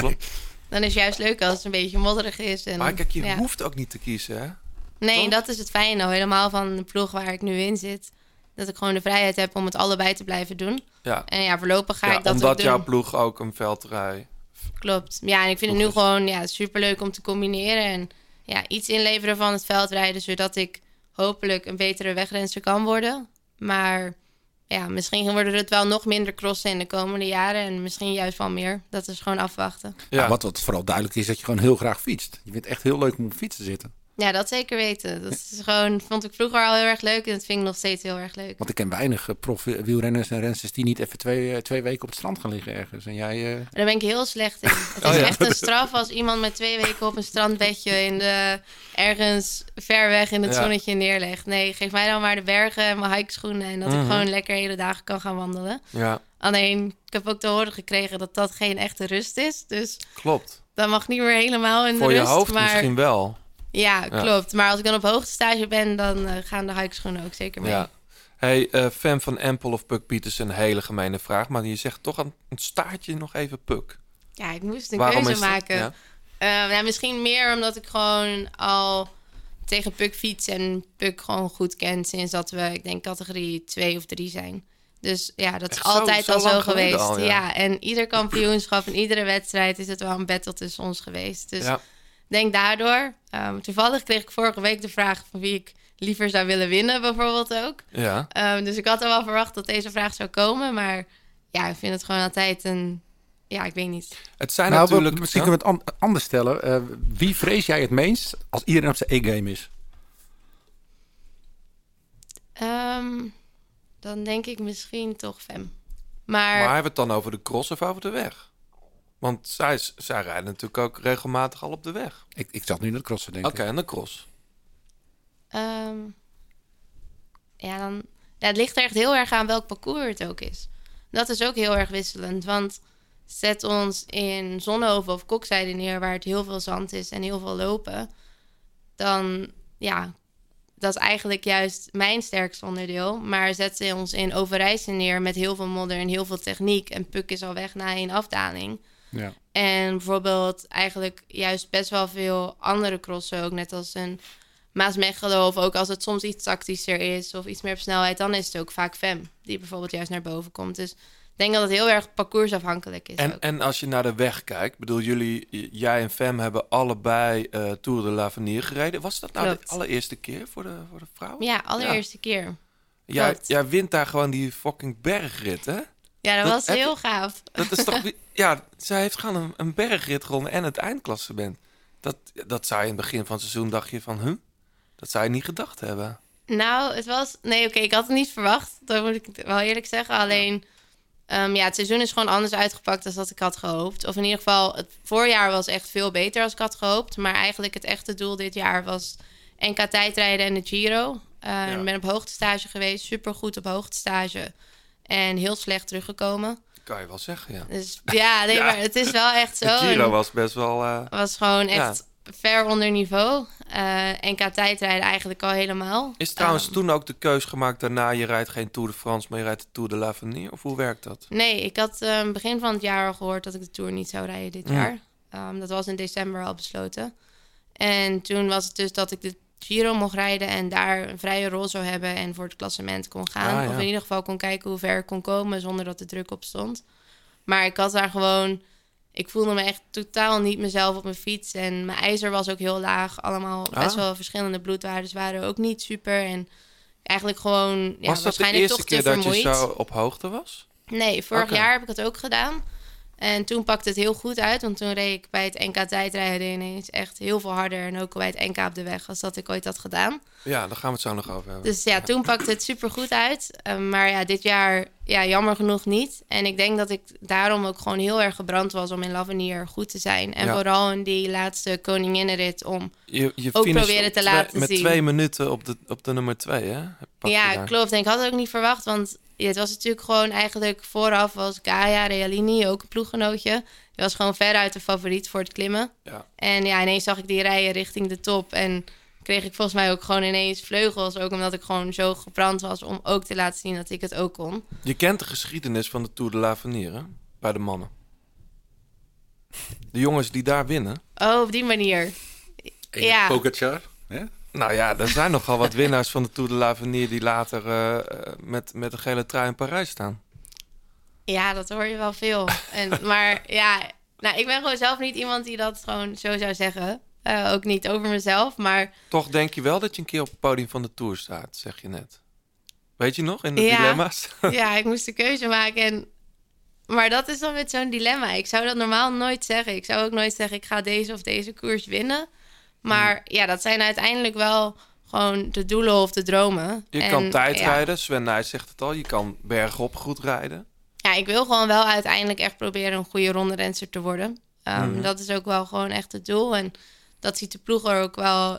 De ploeg ziet dat ook zitten. Maar ja, het is altijd gewoon afwachten hoe je ontwikkelt. En ik ben gewoon niet iemand om dat echt van de daken Nee, te schreeuwen. Dat hoeft ook niet. Dat doen wij dan wel. Dat doen wij dan wel. Hey, to- dan toch nog heel, heel even terug naar Fem en, en Puk. Fem werd eh, vijfde volgens mij in die sowieso. Of in het algemeen klassement zelfs. Weet ik even niet. In Tour l'Avenir. Ik ook zesde. Volgens mij. Eh, of zie ik dat nou verkeerd? Ja, nee, zesde. Puk werd volgens mij vijfde in Strade Bianca. Ja, klopt. Dan denk je, wow, er zit een generatie aan te komen. Even los, los nog van jou. Die straks weer iedereen opvegen. Dan, dan, dat wordt een soort driestrijd als het om de weg gaat. Hè. Bij het crossen is het feitelijk al zo. Ja, in het veld is het al zo. En ik denk op de weg... Ja, dat dat natuurlijk ook zo blijft. Alleen op de weg zijn er gewoon... Ja, is het nog een stuk breder. Dus zijn er gewoon nog veel meer. En ja, ik denk ook dat het gewoon wel een beetje afhangt van... wat voor keuzes iedereen maakt. Ik bedoel, als je het wegseizoen... of het mountainbike seizoen van Puk ziet dit jaar... Dat is echt, ja, eigenlijk... Ik vind het heel bizar hoe goed ze rondrijdt. En Mhm. hoeveel overwinningen ze al heeft gehaald. Dus ja, het is ook maar net wie waar de focus op legt. Ja. Fem rijdt nog een volledig crossseizoen. ik ga nu juist iets meer de weg op. Dus ja, iedereen gaat gewoon zijn eigen pad. En Ja. iedereen heeft daar een ja, Ja, eigen iedereen zou zich dus ook op een andere manier ontwikkelen. Ik denk het wel, ja. En ik denk ook dat iedereen gewoon net een ander type renster is. Fem kan uiteindelijk ook sprints gaan winnen. En ja, ik ben niet iemand die zomaar een sprint wint. Ehm, en Wel heel Gold blij. race. Huh? De gold race.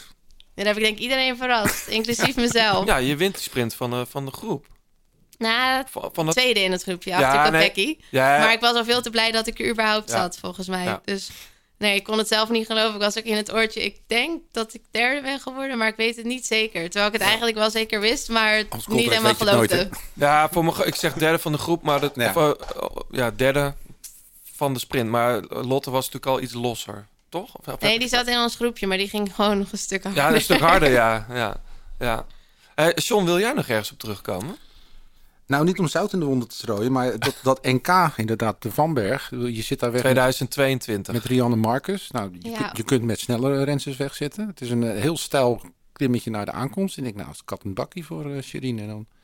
nou, dat was nou? echt een Dat voorbeeld nog- van niet durven te verliezen. Oh ja, dat is goed ik. dat je dat zegt, ja. Ja, want nou, in ieder geval, eh, we reden natuurlijk weg. En Rianne had nog van Jumbo-Visma natuurlijk ook eh, Marianne erachter zitten. Dus die nam niet meer over. En Ina zei, ja, probeer het maar gewoon en ga er maar gewoon voor. Omdat ik me echt wel heel sterk voelde. En van ons, Lucinda, Ellen of ik, ging toch niet op het podium eindigen in die sprint van, de, van gewoon de hele, het hele peloton. Dus ja, ik eigenlijk gewoon doorgereden en ehm, eigenlijk gewoon alles volle bak gereden. En op de kasseien nam Rianne over. En toen maakte ik zelf de fout om weer over te nemen van haar voor wat, dat we die afdaling ingingen. En die dag ervoor zat ik nog gewoon voor de tv. En toen deed Daan Hole ook ploeggenoot. Ja. Die deed precies hetzelfde. en ik zei, oh, ja. dom kan je zijn. Waarom zou je hier overnemen? Want dan verlies je sowieso. Heb je het wel met Daan erover gehad? Nee, helemaal niet. Want Och. ik had ook nooit verwacht dat ik in die situatie zat. Want ik ging daar gewoon eigenlijk meer naartoe om te helpen voor Ellen en Lucinda voor een Ja, goede Daan uitslag. kennende heeft hij jouw finale wel bekeken. Ja, die zei ook dat ik dezelfde fout maakte. En eh, op het moment dat ik overnam en op kop zat, toen dacht ik, ja shit, nu heb ik dezelfde fout gemaakt. En toen probeerde ik er gewoon zo hard mogelijk de bocht nog door te gaan, omdat ik wist dat ik wel wat dat betreft dan iets betere bochten kan rijden, denk ik, als Rianne. Of in ieder geval meer risico durf te nemen. En ja, toen kwam ze er overheen en ja, ik kwam eigenlijk op de lijn nog steeds Ja. bijna terug. Dus Met het nieuw, met dat, dat stukje wat ze nog extra aan toegevoegd hebben. ja, dan had ik hem Had denk ik gehad. Had je hem gehad? Ja, klopt. Dus die. En ik denk dat die extra misschien nog pijn deed omdat het weer een verkeerde timing was. En dan was het nu een NK-titel. Maar toen februari datzelfde jaar verloor ik echt net de millimeter sprint van Puk op het WK in het veld bij de Ja. belofte. Dus het was een beetje gewoon weer net geen titel. Uh, maar Ah, Het zijn maar belofte titels, joh. ja, maar die op de, op de Nee, weg niet. Ik Hoeveel heb jij er, eh, nee? Ik zit je te pesten. Op de weg was eh, Nee, de maar- elite-titel. Maar toen is denk ik wel meer het besef gekomen van... Oké, ik doe nu wel bij een NK mee om de titel. En eigenlijk is een, zoals alle buitenlanders altijd zeggen... is een NK gewoon een beetje nog zo wat vergelijkbaar met een WK... aangezien zeg maar hoe hoog het niveau In is. Nederland, ja. Maar ja, maakte het wel inderdaad zuur om gewoon net die titel te missen. Maar ik, ik, die koppeling met niet durven te verliezen snap ik niet zo. Want eh, wat, je neemt het op een verkeerd moment over. Dat, dat, dat kan. Ja, maar dat was meer omdat ik dus te bang was Dat ze dat terug zouden ze komen. terug zouden Ah, komen. Ja, Dus je om- was al blij met een podiumplek. ja, ik was denk ik nog te blij met inderdaad een podiumplek. Of ja, ik reed wel echt rond met de gedachte: oké, ik kan dit gaan winnen. Maar ja, vervolgens was ik inderdaad dan te bang om alles te verliezen. Dus nam ik maar gewoon over. Ehm, en het was ook wel Ina, zat in de auto en die gaf eigenlijk bijna geen aanwijzingen meer, omdat ze ja, ook niet helemaal door had dat het eigenlijk voor mij de eerste keer was dat ik weer in een situatie zat om iets te gaan winnen. Ja. Maar ja, uiteindelijk is het wel gewoon ook weer een hele goede ervaring geweest. En een les. Ja, denk het wel. Je zegt, ehm, ik luister liever naar mijn lichaam dan naar mijn trainer. Leg eens uit, hoe, hoe werkt dat? Ehm, ja, ik ben er zelf meestal van overtuigd dat je kan een trainer hebben. Of eh, iedereen heeft natuurlijk een trainer, ik ook. En daar ben ik ook heel blij mee. Maar uiteindelijk ben je de enige die aanvoelt hoe je je echt voelt en hoe vermoeid je bent. En Mhm. of je wel of geen rust nodig hebt, of wel of niet die zware training. Ehm, dus ja, daar overleggen we ook wel gewoon veel in. Maar als ik me echt niet goed voel of ik denk, nou, dit is beter of dat is beter, dan doe ik dat soms ook. Ehm, op hoogtestage heb ik dat niet gedaan. En daar heb ik achteraf wel ook gewoon spijt van. Omdat het was een iets andere manier van trainen. En ik had vanaf het begin eigenlijk aangegeven van... ik denk niet dat dit werkt voor mij. Uiteindelijk werkt het ook niet. En, Maar, en waar merk je dat dan aan? Dat het niet werkt voor je? ehm, Tijdens de stage merkte je dat al? tijdens de stage ook wel een beetje. Maar aan de andere kant, ik trapte betere wattages dat ik eigenlijk daarvoor had gedaan. Dus nou ja, toch denk je dan, oké, misschien komt het wel gewoon goed. Maar ja, uiteindelijk denk ik dat het gewoon het belangrijkste is om echt te luisteren naar je eigen lichaam. Ehm, en ja, de trainer kan je nog zo goed kennen. Alleen ja, als je gewoon maar klakkeloos je schema volgt, dan werkt het denk ik ook niet. Ja. Op de vraag eh, bioscoop of Netflix.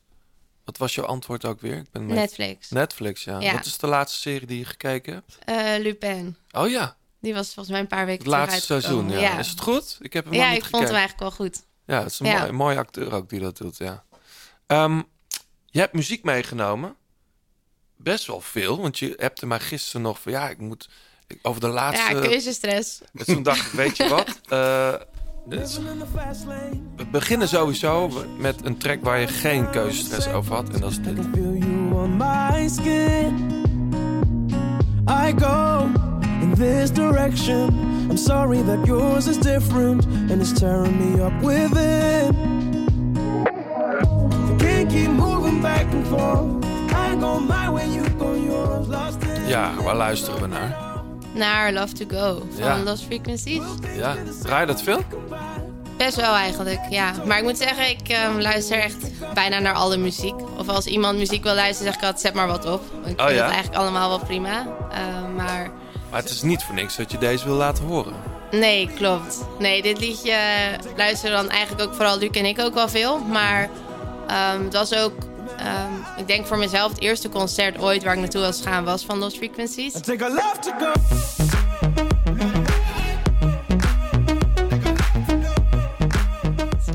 En ehm, ja, ik had dat? tegen niemand in Antwerpen. Maar ik had tegen niemand gezegd, want het was de avond voor de Wereldbeker in de Beekse Bergen vorig jaar. En ehm, ja, ik had zelf eigenlijk zoiets, oké, dit is de Wereldbeker, de week na het EK, niet het belangrijkste. Ik wil daar niet zoveel druk op hebben. En het maakt niet zo uit als ik daar een keer wat minder ben. Heb je gewonnen, toch? Ehm, ja, en ineens won ik de volgende dag. Hey, maar dit is, een, dit, is een, dit is een perfect procedé natuurlijk. Dus voor de wereldbeker nog even naar een showtje. Nou, ik zou het niet altijd aanraden, maar het was wel ook een beetje meer voor mezelf zoiets van... Ik ben altijd wel iemand, ik heb heel veel over juist wel voor het sporten en later natuurlijk ook van alles voor. Alleen Ja. Vind ook dat je soms wel gewoon alsnog echt ja, die leuke dingen kan doen en wel ook naar een concert kan gaan. En dat je ook nog gewoon een leven moet hebben naast het sporten. Maar had je En- zitplaats of staanplaatsen?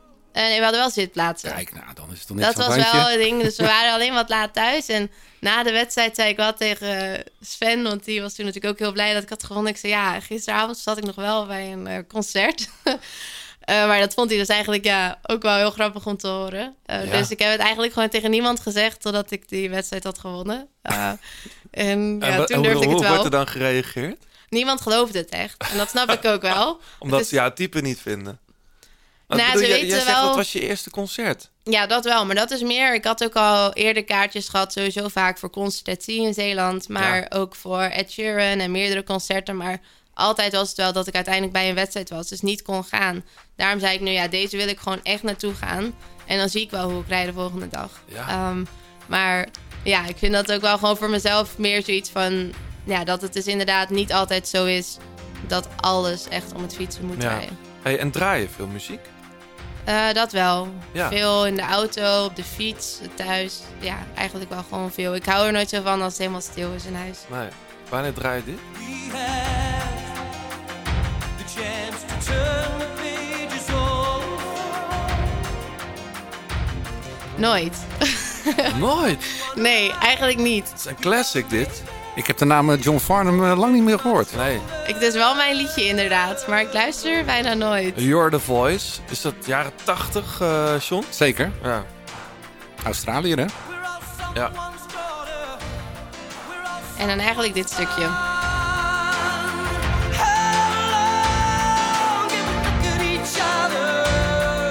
En dat gaat dan om de tekst. Nee, eigenlijk niet. Maar ehm, ja, er zit wel een verhaal achter, Ja. omdat de, dit is echt het liedje eigenlijk wat er altijd wordt gedraaid op de kustmarathon in Zeeland.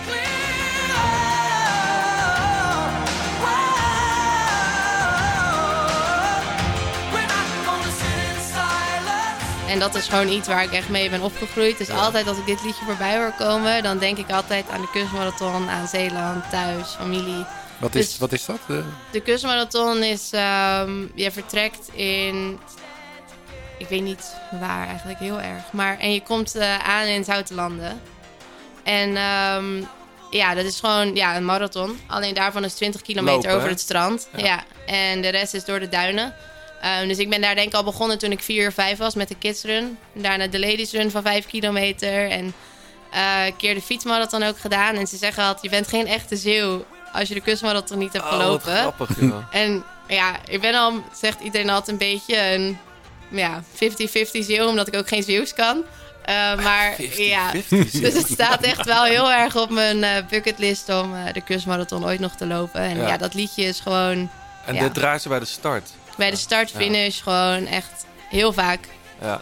Hij is de Lee Towers van Zeeland, eh, John Farnham. Hij is een grote hit geweest, toch? Ja, zeker. Een mooie stem ook. toch? Heel veel ook. dit, eh.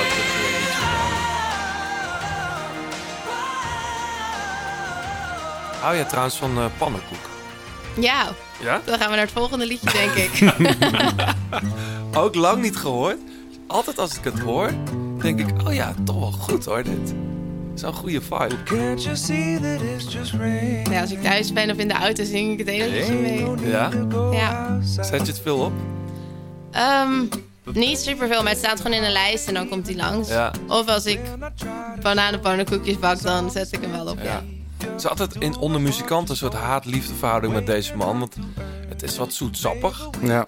Maar het is toch heel goed gedaan. Beetje Hawaii bluesje erbij. Die hele plaat. Het is Ja. natuurlijk een eh, Ja, professionele surfer ook. eh, Ja, ja, zeker. Was die. Ik weet niet of hij dat nog is. Maar, eh, Hij had toen niet de tijd... Jack een- Johnson heeft het Ja, over. een hoop van die gasten. Die, de, weet je, Ben Howard was ook een beetje in deze, deze hoek.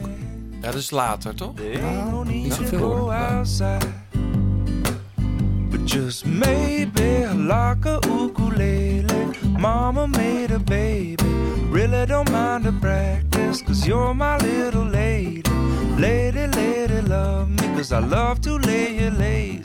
We could close the curtains. Pretend like there's no world outside.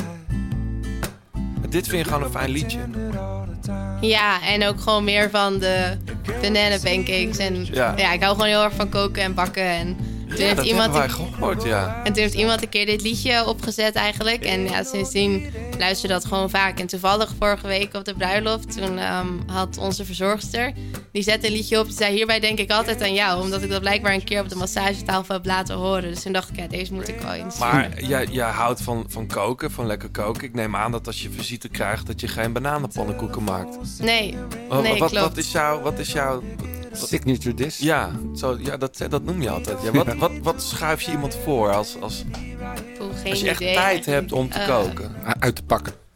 Als ik echt tijd heb om te koken. Ik bedoel, de kerstdagen komen eraan, dan ben je En meestal... dan zorg ik wel altijd voor het douche, moet ik eerlijk zeggen. Oh ja? Ja. Zoetigheid. Ja, bij de kerstdagen wel, maar thuis kook ik gewoon altijd. Ehm, en het kan eigenlijk echt van alles zijn. Eh, ik vind dat wel heel leuk om een lekker gerecht te maken met eh gnocchi. Dat sowieso. Of iets met pasta of rijst. En, ja, eigenlijk alles wel. Maar ga je zover dat je dan de pasta zelf ook maakt? Of koop je ergens goede verse pasta? Mm, ergens goede verse ja, ja. pasta. Maar voor een nieuwe huis eh, staat wel op het lijstje dat we zo'n pasta machine willen. Want vorig jaar in Sardinië hebben we zo'n pasta cursus gedaan. En Oh, wat leuk. ja, dat wil ik toch wel gaan doen. Dat is het perfect, perfecte eiland om dat daar te leren natuurlijk. Ja, was echt heel leuk. En ja, heel lekker. Ja. Eh, dat nieuwe huis, dat heb je al helemaal ingericht ook? Nee, nog niet. Oh. We krijgen de sleutel in februari. Dus eh, we gaan timing, morgen eh, voor alles uitzoeken. ja. Ja, we hebben al een beetje een planning gemaakt. Want het WK en het veld is 3 februari. Dus dan eh, daarna snel terug. Mhm. en, of tenminste misschien eerst nog een weekje vakantie. Dan snel terug. Een Ja. week verhuizen in mijn rust. En dan opbouwen richting de klassiekers. ja, precies. Tijd zat. En voor de klassiekers ga je dan waarschijnlijk nog wel naar Spanje of zo? Ehm, ja, waarschijnlijk wel. In maart. Maar dat ligt er nog een beetje aan of ik in Strade ga beginnen of in Binda. Ja, Dat is nog niet helemaal bekend. het lijkt me wel duidelijk, toch? En dat is? Ja, Binda. Die zit er toch voor? Nee. Oh, die zit erna. Oh, sorry. Ik dacht dat Binda altijd voor Nee, zat. Strade is al begin maart Ja. en Binda is Ja. derde weekend van maart volgens mij. Nee, zou Strade meepakken. Mooi. Toch, heb je die wel eens gereden eigenlijk? Ja, als eerstejaars. Toch een mooie koers. Heel mooi. Ja, ik vind het echt een super mooie koers. En nou, ik denk dat het daar toen al een beetje. Toen zat ik heel onverwachts eigenlijk. Ik denk ook voor iedereen mee in de kopgroep. Ehm, en ja, ik vind het gewoon. Het is echt Nou ja, een de- van mijn favoriete koersen. De crossers doen het daar natuurlijk vaak goed. Ja, dat is wel waar, ja. Is Maar, dat misschien wel de, de zwaarste eendagskoers eh, die er is? Strade? mm, Met de wind en het ik gravel. denk zelf dat dat misschien toch nog steeds luik is. Ik denk dat ik nog nooit zo moe terug ben gekomen van de klassieker als toen in het eerste jaar luik. Dat ik echt de trap opliep en dacht ik ben echt, echt gewoon helemaal kapot nu. Ja, je, eerder zei je, denk ik een half uur geleden, liet je het woord luik ook al vallen. Daar wil je wel altijd goed zijn. Ja, ik vind het gewoon een super mooie koers. Een van mijn favorieten eigenlijk. Ehm, en ja, ik denk ook wel dat het gewoon een koers is die me goed moet liggen. Alleen, ehm, ja, dit jaar heb ik eigenlijk ook ineens ontdekt dat ik Vlaanderen toch ook heel erg leuk vind. En Ja. Amstel, nou, eigenlijk vind ik bijna alle klassiekers leuk. Dus dat is misschien soms eh, het lastige. Wat En, is er zo mooi aan luik? ehm, Behalve dat je heel vroeg op de fiets al zit. ja, dat is iets minder mooier aan. Ehm, maar Zou eens een keer moeten omdraaien. ja, Dat de mannen zo vroeg eigenlijk starten. wel, hè? Ja. Ja. Maar ja, ik vind het zelf niet super erg eigenlijk. Oh nee? Nee, ik heb niet zoveel moeite met vroeg opstaan. Ja, maar met dat is eten wel en extreem. zo, dat je, dat je al een vier uur s'nachts moet gaan pasta eten, bij wijze van. Nee, ik eet dan dus ook gewoon vaak pannenkoeken. Ja. Ehm, en nee, ik vind dat eigenlijk niet heel erg. Ik Nee. heb ook zelf nooit echt moeite met zorgen dat ik voldoende eet voor een wedstrijd. Dus dat is wel heel erg fijn. Maakt ook niet uit dat het dan vroeger is. Maar ja, wat vind ik mooi aan Luik? Eigenlijk gewoon een beetje de hele sfeer, maar gewoon vooral hoe het openbreekt op de redoute. En Ja. het dan gewoon één slagveld is tot aan de finish. Ja, daar hou je van, van slagvelden. Ja, Als het eigenlijk wel. gaat dan, ja. ja. als het gewoon een lange slopende koers is, die gewoon zwaar is door of de omstandigheden, regen of gewoon door al die klimmetjes. Gewoon, ja, als Ja. het maar zwaar is. Hey, we hadden het al een klein beetje over het dagelijkse leven. Wat we leuk vinden, zeker met dit soort eh, eindejaarsgesprekken, is, is gewoon om de doorsnee dag van een prof een beetje door te lichten. En dan gaat het niet om wedstrijddagen, maar gewoon, ik bedoel, je hebt nu nog vakantie, maar het gewone leven staat weer te beginnen straks. Hoe, hoe laat begint jouw dag? Eh, meestal rond acht uur, denk ik. Een wekker zet je of word je vanzelf? Op? ja, standaard staat de wekker eigenlijk altijd wel om acht uur. Mm. Of toch bijna altijd. Maar meestal ben ik wel gewoon net iets daarvoor wakker. ja. Ehm, en dan, ja, het is heel wisselend eigenlijk hoe mijn dag eruit ziet. Ehm, maar probeer wel altijd gewoon rond tien uur, half tien, tien uur, misschien soms half elf op de fiets te zitten. Mhm. Ehm, en in het crossseizoen ga ik... Ja, ja, ja, zeker. Wat eet je? Oh. Ja, we gaan even, Oh, we de gaan hele even de hele ochtend. Stap voor stap. Ik bedoel, doe jij nog oefeningen voordat je de fiets opstapt? Of, of is het gewoon... Nou, dat staat altijd wel op mijn lijstje wat ik wil gaan doen. Mm. Ehm, maar het komt er niet altijd van. Alleen op trainingsstages zit dat er wel echt in. En dat is dan echt eh, rekken strekken? Of, of... Ehm, ja, meestal wel. En een beetje activation. Gewoon een beetje mobiliteit en wat oefeningen. Gewoon wat losmaken eigenlijk. Ja, een soort halve yoga. Ja, een soort van, Ja. inderdaad. Eh, maar, oh ja, ontbijt. Nou, dat is heel wisselend. Eh, maar ja, of ja, eigenlijk gewoon, ik denk acht van de tien keer of zo is het wel gewoon havermout. Oh ja, Ehm, ik vind dat gewoon echt heel erg lekker om te eten. verrassend hè, voor een pension. Ja, het is heel voorspelbaar, hè? Met eh, appel, een Nou, we hadden kwark. laatst Charlotte Kool hier en die, en die Boterhammetjes. boterhammen met eh, pindakaas en, en banaan. Maar Dus- met, met Fabio... maar, meer omdat ze niet tegen havermout komen Oh ja, of zo. dat- dat deed ja, Fabio Jacobs doet lekker, ook eh, boterhammen. En ik vind brood wel heel erg lekker, maar dat eet ik eigenlijk gewoon standaard als lunch. Mhm. Dus dan in de ochtend meestal havermout of ik bak iets anders, maar... ehm, Zoet of hartig, de havermout? Want zoet. Zijn, ja, jij Ja. bent echt van de zoet. Ja, hè? ik snap niet dat havermout hartig wordt gegeten. Nee. En dan Nee. de, de overnight oats of... eh, Eh, als ik ergens naartoe moet wel, want ja, ik ben er wel altijd iemand zo laat mogelijk gewoon de wekker zetten en dan gewoon een beetje gehaast eh, opstaan en snel de auto in en dan eet ik in de auto mijn havermout op ehm, als ik lang in de auto zit. Maar ehm, als ik gewoon thuis ben, dan gewoon in een pannetje. Gewoon lekker verse havermout maken. En dan de fiets op inderdaad. Nou ja, wisselt heel erg ook hoe lang het is. Ehm, en het is wel als ik een keer een ochtend heb dat ik wil lopen... dan loop ik altijd voor het ontbijt. vind ik altijd een stuk fijner. Maar loop jij alleen zeg maar in en rond het crossseizoen? Of, of ook in het wegseizoen? Eh, eigenlijk alleen in en rond het crossseizoen. Ik wil het altijd wel ook in het wegseizoen, maar op de een of andere manier komt het er eigenlijk nooit echt helemaal van. Behalve soms als ik dan op trainingsstage ben. Ja. Dan is er gewoon wat meer tijd voor. Maar tussen de wedstrijden door, dan ga ik dat niet doen. Want ja, vroeger was altijd, dan ging ik altijd loslopen een dag voor een wedstrijd in plaats van dat ik ging losfietsen. Oh ja. Eh, daar ben ik wel van afgestapt. Maar hoe, hoe lang loop je dan? Ehm, ja, 20 minuten, Oh half uurtje. Niet te lang, want dan is het gewoon best wel snel toch belastend. Ehm, vorig jaar dan nog wel soms meegegaan naar het bos met mijn broer, want die loopt ook hard. Dus dan daar een keer bij aangesloten. En ik wil eigenlijk nog terug naar de atletiekbaan om gewoon die baantrainingen weer te doen. Maar Hmm. het is ook gewoon te blessuregevoelig eigenlijk. Ja. Ehm, en dan, ja, dan ga ik fietsen en als ik terugkom, douchen en dan gewoon, ja, lekker lunchen. Meestal brood. Wanneer wordt de fiets schoongemaakt eigenlijk? Meestal door Luc. Ah, Kijk. goed geregeld. Heel toevallig heb ik gisteren de fietsen gepoetst. Maar ehm, nee, meestal zorg ik gewoon voor het eten en alles. En worden mijn fietsen dan gepoetst. Maar kijk je soms ook nog naar een buienradar of zo? Van, eh, of krijg je dan een boze zweet aan de telefoon? Zie je niet? eh. Eh, nee, ik kijk altijd naar buienradar. Dus ik moet wel zeggen, als het gewoon droog is of ik zit in Spanje... dan zit ik altijd half tien of tien uur op de fiets. Eh, als het gaat regenen of het regent in de ochtend... dan stel ik het meestal net zo lang uit tot het droog is. En anders ga ik dan alsnog aan het eind van de dag de tax op. Ja. Maar nee, daar kijk ik inderdaad ook wel naar. Ehm, maar ja, het liefst gewoon... als ik dan in Spanje ben, dan is gewoon half tien, tien uur de fiets op. En dan, ja, als ik terugkom, gewoon gaan lunchen. Ja, en de lunch, dat zijn eh, in Nederland dan in ieder geval gewoon eh, Hollandse boterhammen, neem ik aan. Ja, altijd gewoon brood eigenlijk. En dan, ik hou ook wel heel erg van om verse soep te maken. Dus vaak ook wel iets van soep erbij. En dan een broodje met iets van kip, filet, avocado en een eitje. Of ja, wel gewoon iets wat echt lekker is. Ja. Of wat ik echt lekker vind. En, en ik denk dan, nou oké, dan, dan is het pas twee uur of zo. Wat, wat doen die gasten de rest van de dag? Ehm, ja, Heel vaak begint mijn dag namelijk pas om twee uur.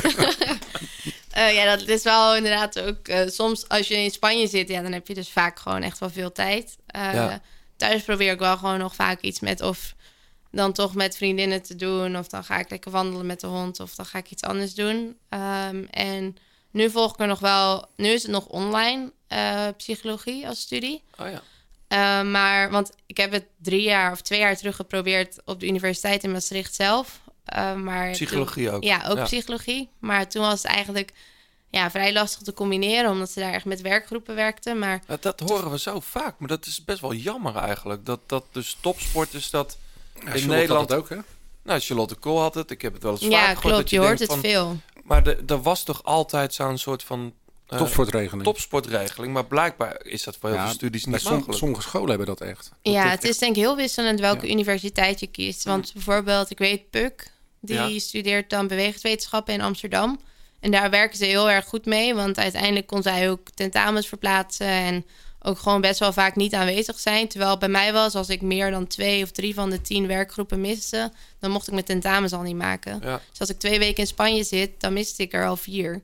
Dus ja, dan was het eigenlijk al om zeep. Uh, Hmm. Maar toevallig heb ik vorige, vorige week een eh, mailtje gestuurd naar die studiebegeleider. Omdat ik nu dan wel, doordat ik het WK heb gereden, een A-status heb. En in principe zijn ze dan verplicht om beter mee te werken. Dus ik wil het gewoon nog een keer proberen. Omdat, ja, ik denk eigenlijk meer toen ik klein was... echt gewoon er al van droomde om naar de universiteit te gaan... en niet eens per se van om profielrenster te worden. Ja. Dus ik wil dat gewoon echt ja, nog een kans geven. En ja, als dat zo is, dan zitten mijn dagen denk ik wel heel erg vol. Het zijn Maar, natuurlijk ja. wel, eh, psychologie is natuurlijk ook wel een studie waarbij je veel met medestudenten ook moet doen en in werkgroepen zit. Ja, klopt. Dat maakt het misschien extra moeilijk. Ehm, ja, ik denk het wel. Maar aan de andere kant is dat ook weer wel een stok achter de deur om het ook echt te doen. Want Ja. dat merk ik nu al heel erg. Nu is het online. Het is allemaal super vrij. En dan ga je er toch iets minder snel aan zitten als dat je het gewoon met medestudenten kan doen. En gewoon die sociale contacten kan hebben. En Ja. ja, ik vind het gewoon op die manier een stuk leuker. Dus ja, ik wil dat proberen. En anders wil ik wel gewoon die online studie afmaken. Maar het liefst maak ik de overstap naar gewoon echt op de unie. Waar, waar, waar komt die keuze voor psychologie vandaan? Ik zat heel erg te twijfelen tussen eh, bewegingswetenschappen en psychologie. Of eigenlijk wilde ik het liefst een studie doen over voeding. Maar er was maar één studie en die zat in Wageningen. Dus Ja. ja, dat was eigenlijk sowieso geen optie. Ehm, en ja, ik ben gewoon niet heel erg goed in eh, natuur en scheikunde. Nou, dat komt heel veel naar boven in bewegingswetenschappen. En ik vind gewoon, eh, psychologie vond ik altijd al heel interessant. En ik zou graag later echt iets willen doen waarbij ik mensen kan helpen. Of gewoon verder kan helpen. En dan eigenlijk het liefst denk ik wel gewoon ook echt in de topsport. Maar ja, dan denk ik, dan vind ik het wel een hele mooie studie om dit te doen. En misschien later als mental coach of sportpsycholoog in een ploeg aan de slag te gaan. Maar het is ook, het is ook een beetje een soort van zoektocht naar jezelf. Ik bedoel, ja, je jezelf komt soms beter wel wat te- over jezelf te weten. Ja, dat is best wel gek. Het gaat ook heel veel in dit gesprek heel veel over, over eh, zelftwijfel en eh, niet durven te verliezen. Dus ja, Ja, daar klopt. kun je misschien ook nog iets in winnen. Ja, juist wel. En ja, je haalt daar gewoon best wel veel kennis uit. En ik weet ook nog niet zeker of ik met eh, sportpsychologie wat wil doen. Of misschien toch meer richting iets van neuropsychologie of iets anders. Maar in ieder geval, ik vind het gewoon heel erg interessant. En ik lees er al graag artikelen over. En ja, dan vind ik het al helemaal mooi om daar een studie naar te doen. Hebben jullie trouwens bij de ploeg een eh, psycholoog? Of Ja. mental coach? Ja. Ja, we hebben een vaste sportpsycholoog in dienst, maar het is een Italiaanse. Mhm. Ehm, ja, ik vind haar wel gewoon ook heel goed en heel fijn. Alleen soms is het lastig om over echt die dingen over jezelf in ehm, een andere taal te praten. Want ja. Ja. ik spreek gewoon heel goed Engels en ik kom ook echt wel heel goed uit mijn woorden en ik kan vertellen wat ik wil vertellen. Alleen ja, over sommige dingen is het gewoon fijn om tegen iemand zonder na te denken te kunnen praten Ja. en gewoon in je moedertaal eigenlijk te kunnen kletsen. Dus ehm, ook gewoon vanuit mezelf dan als eh, met een mental coach. Begrijp ik wel, ja. Ehm, we zijn nog heel eventjes eh, in jouw dagelijkse sleur beland. Eh, je gaat met de hond wandelen, je gaat met vriendinnen afspreken, je kijkt Netflix, Lupin is de laatste serie. Doe, je- game je nog of lees je nog? Of? Ehm, als ik in, met de ploeg weg ben, dan lees ik ook wel boeken. Ja, Romans of, of, of literatuur over Ja, meer van die slechte romcoms. Oh ja? Ja, gewoon, Ja. of ja, geen slechte. Ik vind ze niet slecht. Nee. Maar nee, gewoon een beetje makkelijke boeken waar je snel doorheen komt. Ja. Ehm, Dan vind ik altijd wel fijn als je in de bus zit naar de wedstrijd toe. En het is een lange transfer. Om dan gewoon lekker gewoon een boekje te kunnen lezen. En niet te veel na te hoeven denken. Hey, even misschien een hele off-topic, deels. Ehm, die shirts van jullie, hè, die nieuwe, die Little Track. Ik heb nog geen vraag gesteld in het begin te lachen. ik, ik was zo'n fan van die, van die vorige shirts. Ik ook. Met dat wit en dat lichtblauw. Die waren mooier ook dan, dan bij de mannen, vond ik. Ja, dat is supermooi. En nu, wat is er aan de hand? Of, is, of, of, of zit er iets heel moois aan te komen? Heb je al iets gezien? Nee, ik heb nog niks gezien. Nee, want wanneer moet jij voor het eerst, eh, voor de wegploeg heb ik het nu over, wanneer moet je daar voor het eerst je kleding passen en ophalen of dat soort dingen? Eh, kleding is al wel gepast. Ja. En dan in december krijgen we de nieuwe kleding. Ja, maar daar heb je nog niks van gezien. Nee. Nee, nou, wij ook maar ik denk niet dat het ehm, echt heel erg gaat veranderen. Want volgens mij zijn er best veel mensen wel fan van de kleding. Maar- Ik moet zeggen, het went wel. Ja, natuurlijk, Ja, ik- alles maar went. ik mis de blauwe kleding eh, wel. Ja, toch wel meer. En ook die roze trainingskleding vond ik eigenlijk ook wel heel erg Ja. gaaf. Ja. maar het communiceert wel hoor. Het valt op, een peloton. Ja, klopt. Ja, het valt heel erg op. En uiteindelijk is wel heel veel komen iets meer terug op de mening. En dat het toch wel wat mooier begint te worden als dat het was. Hmm. Uh, maar ja, het was gewoon, dat andere was echt heel erg, ja, was gewoon echt oprecht heel mooi. Ja, chic. En heel chic inderdaad. En ja, dat is nu gewoon wel een stuk minder. Ja, nou, we zijn heel benieuwd waar dat heen gaat dan. Maar ja, We zullen het zien. Ja, overal waar Lidl op komt, daar zit je al aan het logo vast. En die- Ja, je- je zit gewoon met het grote vierkante maar dat maakt logo. volgens mij niet zo Ik, ik denk, ik bedoel, ik zie natuurlijk... Ik zag trouwens dat, dat de Lamborghini met een Lidl gesponsorde eh, karretje weg werd gereden. Wat, bij de, bij de, bruiloft? trouwerij. Oh ja? Dat is al een heel grote Lidl oh ja, inderdaad. Dat hadden er neefjes en nichtjes gemaakt. Maar Echt? ze had om naar de bruiloft toe te komen echt een superleuke oude Fiat 500. Ja. Oh ja. Daar stond geen Lidl op. Nee, nee. We gaan nog heel even naar muziek en dan zijn we straks gaan we naar de laatste kilometer.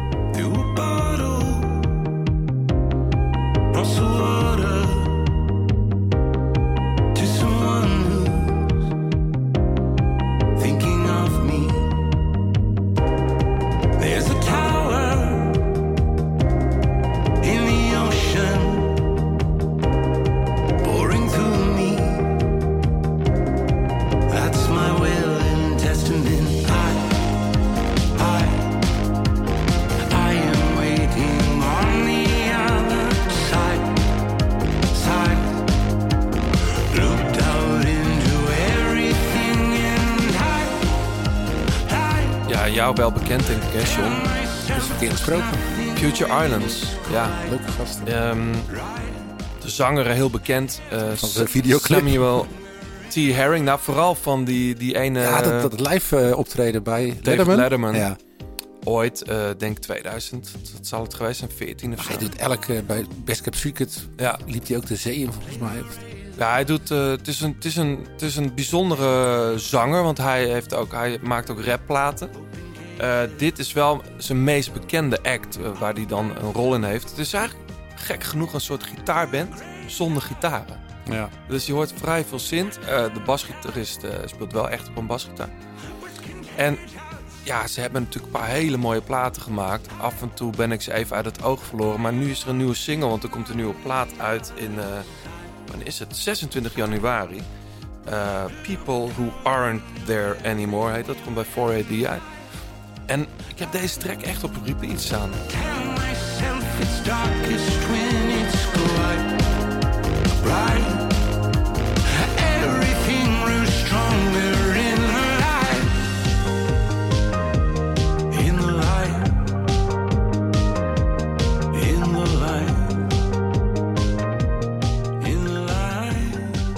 Het liedje heet eh, The Tower.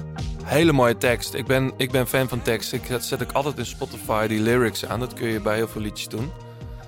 Ehm, maar heel, heel benieuwd naar de rest van de plaat. Er zijn al wat singles uit. En dit is de laatste. Dus The Tower van Future Island. I am waiting on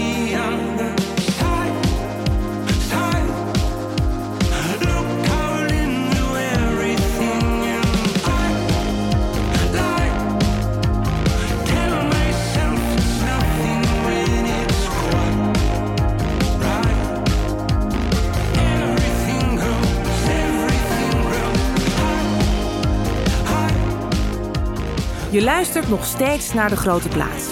Alle liedjes in deze en vorige afleveringen luister je in zijn geheel terug in de playlist De Grote Plaats Songs op Spotify.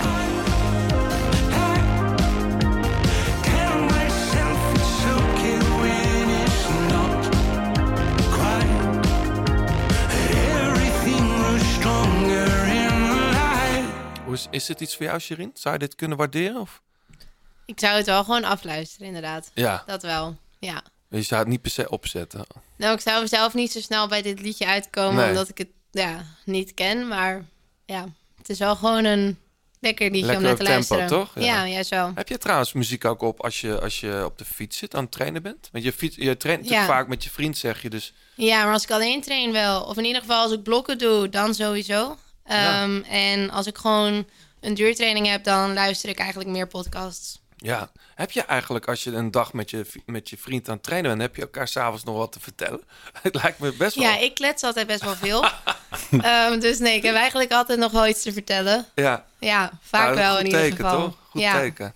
Hey, ehm, we zijn ehm, aanbeland in de laatste kilometer. Wat we dan altijd doen, is vooruitkijken naar de, de, de, de, ja, de nabije toekomst eigenlijk. Hoe, hoe ziet jouw winter er verder uit? Je zei net al 1 december, nee, 3 december je eerst. Of 2. Twee en drie, ja. 2 en 3 je eerste crossen, wereldbeker. Ja, klopt. Eh, En ja, daarna ga ik dan wel weer terug naar Spanje. En dan is de trainingstage met de ploeg. Ja. Of tenminste met de wegploeg. En dan ehm rij ik half december weer de wereldbeker in Namen. En dan ga ik eigenlijk Ik gewoon... had een mooi parcours. Ja, heel mooi. Ja. Juist wel, met die schuine kant. En Ja. altijd heel veel publiek. Bijna altijd modderig, dus ook leuk. Ja. Ehm, en daarna ja, komen eigenlijk, komt de drukke kerstperiode. En daar ga ik gewoon veel crossen rijden. En dan in januari weer een keer op trainingstage. Is het dan trouwens rond de kerst? Want je zegt, ja, eh, ik hou ook van lekker koken en zo. Is daar, hoe, hoe zit dat eigenlijk met crossers? Want die zijn, voor mijn gevoel, dat, dat die hele kerstvakantie... wat normaal voor mensen kerstvakantie is. Ja, maar denk ik 1 januari. Ja, en 1 januari, dat... Ja, ik denk dat het voor iedereen heel wisselend is. Hmm. Ehm, en ik denk ook voor een stukje maar net inderdaad hoe je er soms dan mee omgaat. Dus bij mij is het wel, ik rijd dan op 23 december is dan de Wereldbeker in Antwerpen. Ehm, en nou wij vieren wel altijd echt gewoon kerst lekker met gourmetten, opa Met en oma. familie, gewoon ja. echt traditie, wat we altijd al hebben gedaan. En Ja. ik zorg dan altijd voor het toetje en nou, daar geniet ik ook wel echt van. Of heb je een classic die je altijd moet maken? Vaak is het een taart van tiramisu. Ah ja. Ehm, alleen dan zonder de koffie. Dus dan vaak met chocomel. koffie, ja, dat zei je nee, net. eh, ja. klopt. Dus het is een alternatieve tiramisu, maar ja, die valt wel wat in de smaak, gelukkig. Ja, hoe, Ehm. hoe keken ze daar eigenlijk tegen je aan bij Segafredo destijds? Dat je geen koffie lust? Nee, van Segafredo zelf wisten ze het gelukkig niet. en binnen de ploeg wel. eh, ja, toch vaak geprobeerd om te leren drinken, maar ja, nee, het is gewoon echt nog niet gelukt. Theetje dus- is ook prima. Ja, dus ik hou het gewoon bij thee. Ja. Ehm, en, maar ja, nee, ik probeer gewoon inderdaad vooral gewoon van die kerstavond dan gewoon echt te genieten met familie. En dan doen we meestal ook kerstontbijt en dan gewoon langs de opa's en oma's. En dan daarna weer wel focussen op de crossen. Ja. Ehm, en ik heb nog nooit de cross in Bouw gereden. Dus nog nooit op 1 januari. Dus dan eigenlijk wel gewoon een soort van oud en nieuw vieren. Ja. Ehm, en ja, proberen natuurlijk niet om drie uur s'nachts te gaan slapen, maar ook zeker niet al om tien uur. Nee. Dus de laatste keer misschien wel in Capelle dan oud en nieuw. Of, want het, het volgende oud en nieuw wordt in Maastricht gevierd natuurlijk. Nou, ik denk dat we misschien wel terug gaan naar Capelle Oh, om oud wel. en nieuw daar te vieren. Ja. Ja, ja, mijn broer, zus, iedereen zit nog gewoon daar in de buurt. Dus Fietsen jouw broer en zus ook? mijn zus wel. En mijn broer, die ehm, ja, is een hardloper. Ja. Dus ja, als ik ging lopen, ging ik met mijn broer mee. Ging ik fietsen, ging ik met mijn zus mee. Leuk. Ja. Leuk. Hey, ehm, weet je al iets over je programma van volgend jaar? Je, ja, je wegprogramma heb, het, heb ik het dan over. Ehm, ja, in ieder geval wel in grote lijnen. Ja. Ja. En ehm, ja, dan eigenlijk gewoon veel van de klassiekers. Ehm, dus volgens mij ook Gent-Wevelgem, Dwars door Vlaanderen, Ronde van Vlaanderen. Vorig jaar heb je ze eigenlijk allemaal gedaan, denk ik. Ja, dat was niet helemaal de planning. Nee. Dwars, Ehm, dwars van Vlaanderen moest je toch invallen? Dwars door Vlaanderen niet. Gent-Wevelgem volgens mij wel. Vlaanderen was zelfs ook meer als invaller. Stond er eigenlijk ook niet op. Nee, sta je al Zelfs bijna Roubaix moeten rijden. Dag van tevoren te horen gekregen. Is Ging dat- uiteindelijk toch niet door. Zou dat iets voor je zijn of ben je daar te licht voor? Er zijn nog wat discussies over binnen de ploeg, volgens mij. Ina denkt zelf niet van niet echt. Jeroen, dat wordt bij ons dan de nieuwe ploegleider, Jeroen Blijlevens. Oh ja, natuurlijk. Die denkt misschien iets meer van Weet wel. je trouwens hoe Jeroen eh, ploegleider is geworden bij, bij jou? Nee, geen idee. Via de grote plaat. Ja. Echt? Dat is echt, nou, hij, zei- hij, was- ja, dat is een gek verhaal. Misschien hebben we het wel verteld aan de luisteraar. Die kijk niet. Nou, Jeroen zat hier een tijdje geleden, Ja. dit jaar. Vertelde toen in... Ja, ik heb hem wel geluisterd Ja, inderdaad. hij vertelde toen dat hij eigenlijk best wel weer gewoon ploegleider wilde worden. En waarschijnlijk is dat via een hele een, go- een goede vriend van de show, Steven de Jong. Ja, dat weet ik wel eh, zeker bij, de vrouwenploeg terechtkomen. Dat is superleuk natuurlijk. Ja. Ja. Ja, ik kijk maar er wat wel zegt Jeroen uit. erover? Want even terug naar jou. Jeroen, Die was volgens mij niet volledig eens met Ina. Eh, en of met- jij Parijs-Roubaix kan Ja. rijden. Maar ik snapte Ina op zich wel. En qua dan inderdaad gewicht. En ik rij op een hele hoge cadans. Dus ik zit eerder op een cadans van 110, 120... als dat ik op een cadans van 80 of 90 zit. Echt? Ja. Dat is hoog. Ja, dat zit echt... Ik ben er al wel beter in geworden. Dus het gaat al meer richting de 100. Maar het is alsnog wel gewoon een hoge cadans. Zijn Dus ja, ik ben- Armstrong-achtige, Een beetje Armstrong-achtige cadans. Pistier. Dus ik ben niet per se iemand echt die echt puur op de power rijdt. Alleen, ja, ik vind kasseien rijden wel gewoon echt heel erg leuk. En de kasseien omhoog liggen me wel heel goed, net als in Vlaanderen. Maar Ja, er liggen be- best wel wat hoogtemeters op het hele parcours. Aan de andere kant, als je jou, jou ziet, en dan ben je ook niet een typische tijdrijder. Maar dat kun je ook heel goed. ja, Dus het zou Ja, moeten klopt. kunnen, toch? ja, ik heb in ieder geval gezegd dat ik hem sowieso wil rijden. Alleen ik denk dat het meer is als ik misschien in ook maar bijna iedere andere ploeg had gezeten, dat ik hem wel had gereden. Alleen bij ons, je hebt Lucinda, Ellen, Elisa, Lizzie, die hem allebei al een keer hebben gewonnen. Je hebt zoveel sterke rensters voor, net als een Roubaix.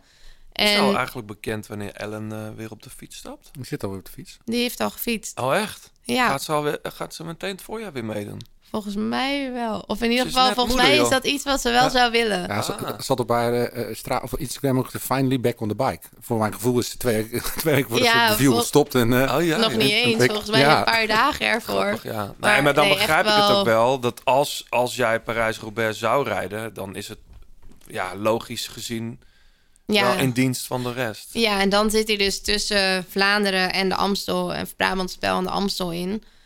Zeg maar. En dan is het gewoon zonde om Roubaix daartussen te plakken eigenlijk. Terwijl ik dan beter gewoon zou kunnen toewerken naar Brabant Spel, Amstel en Luik. moet Is toch het- keuze maken. Is het ook niet zo dat je dat steeds vaker ziet nu in het, in het eh, huidige vrouwenpeloton... dat je toch langzaam die specialisaties krijgt. Ja, echt steeds meer. Want je merkt nu gewoon eigenlijk iedereen probeert goed te zijn van Strade tot en met Luik. En rijdt echt veel van die koersen. Slaat eigenlijk nergens En eigenlijk is het en een te lange periode en heel erg verschillende koersen. En ehm, ja, ik moest dus ook gaan zitten in de meeting en moest zeggen, oké, wat zijn je doelen dit jaar? Dus ik noemde een paar wedstrijden op. En toen zei Jeroen al wel meteen, als dat al helemaal de doelen zijn om goed te zijn, dan ben je vervolgens in veel koersen wel bij de kopgroep, maar dan win je niks.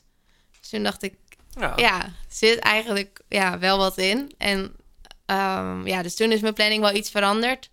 Maar ehm, ja, dat is dus inderdaad Roubaix past daar nu gewoon nog niet tussen. Uh, Nee. Maar als het een regen, modderige, of ja, regenachtige en modder is in Roubaix, dan wil ik hem zeker weten ooit rijden. Ja. Nou ja, ik, ik kan het nu niet meer uit mijn hoofd eh, halen trouwens... dat jij gewoon start in de Strade Bianca.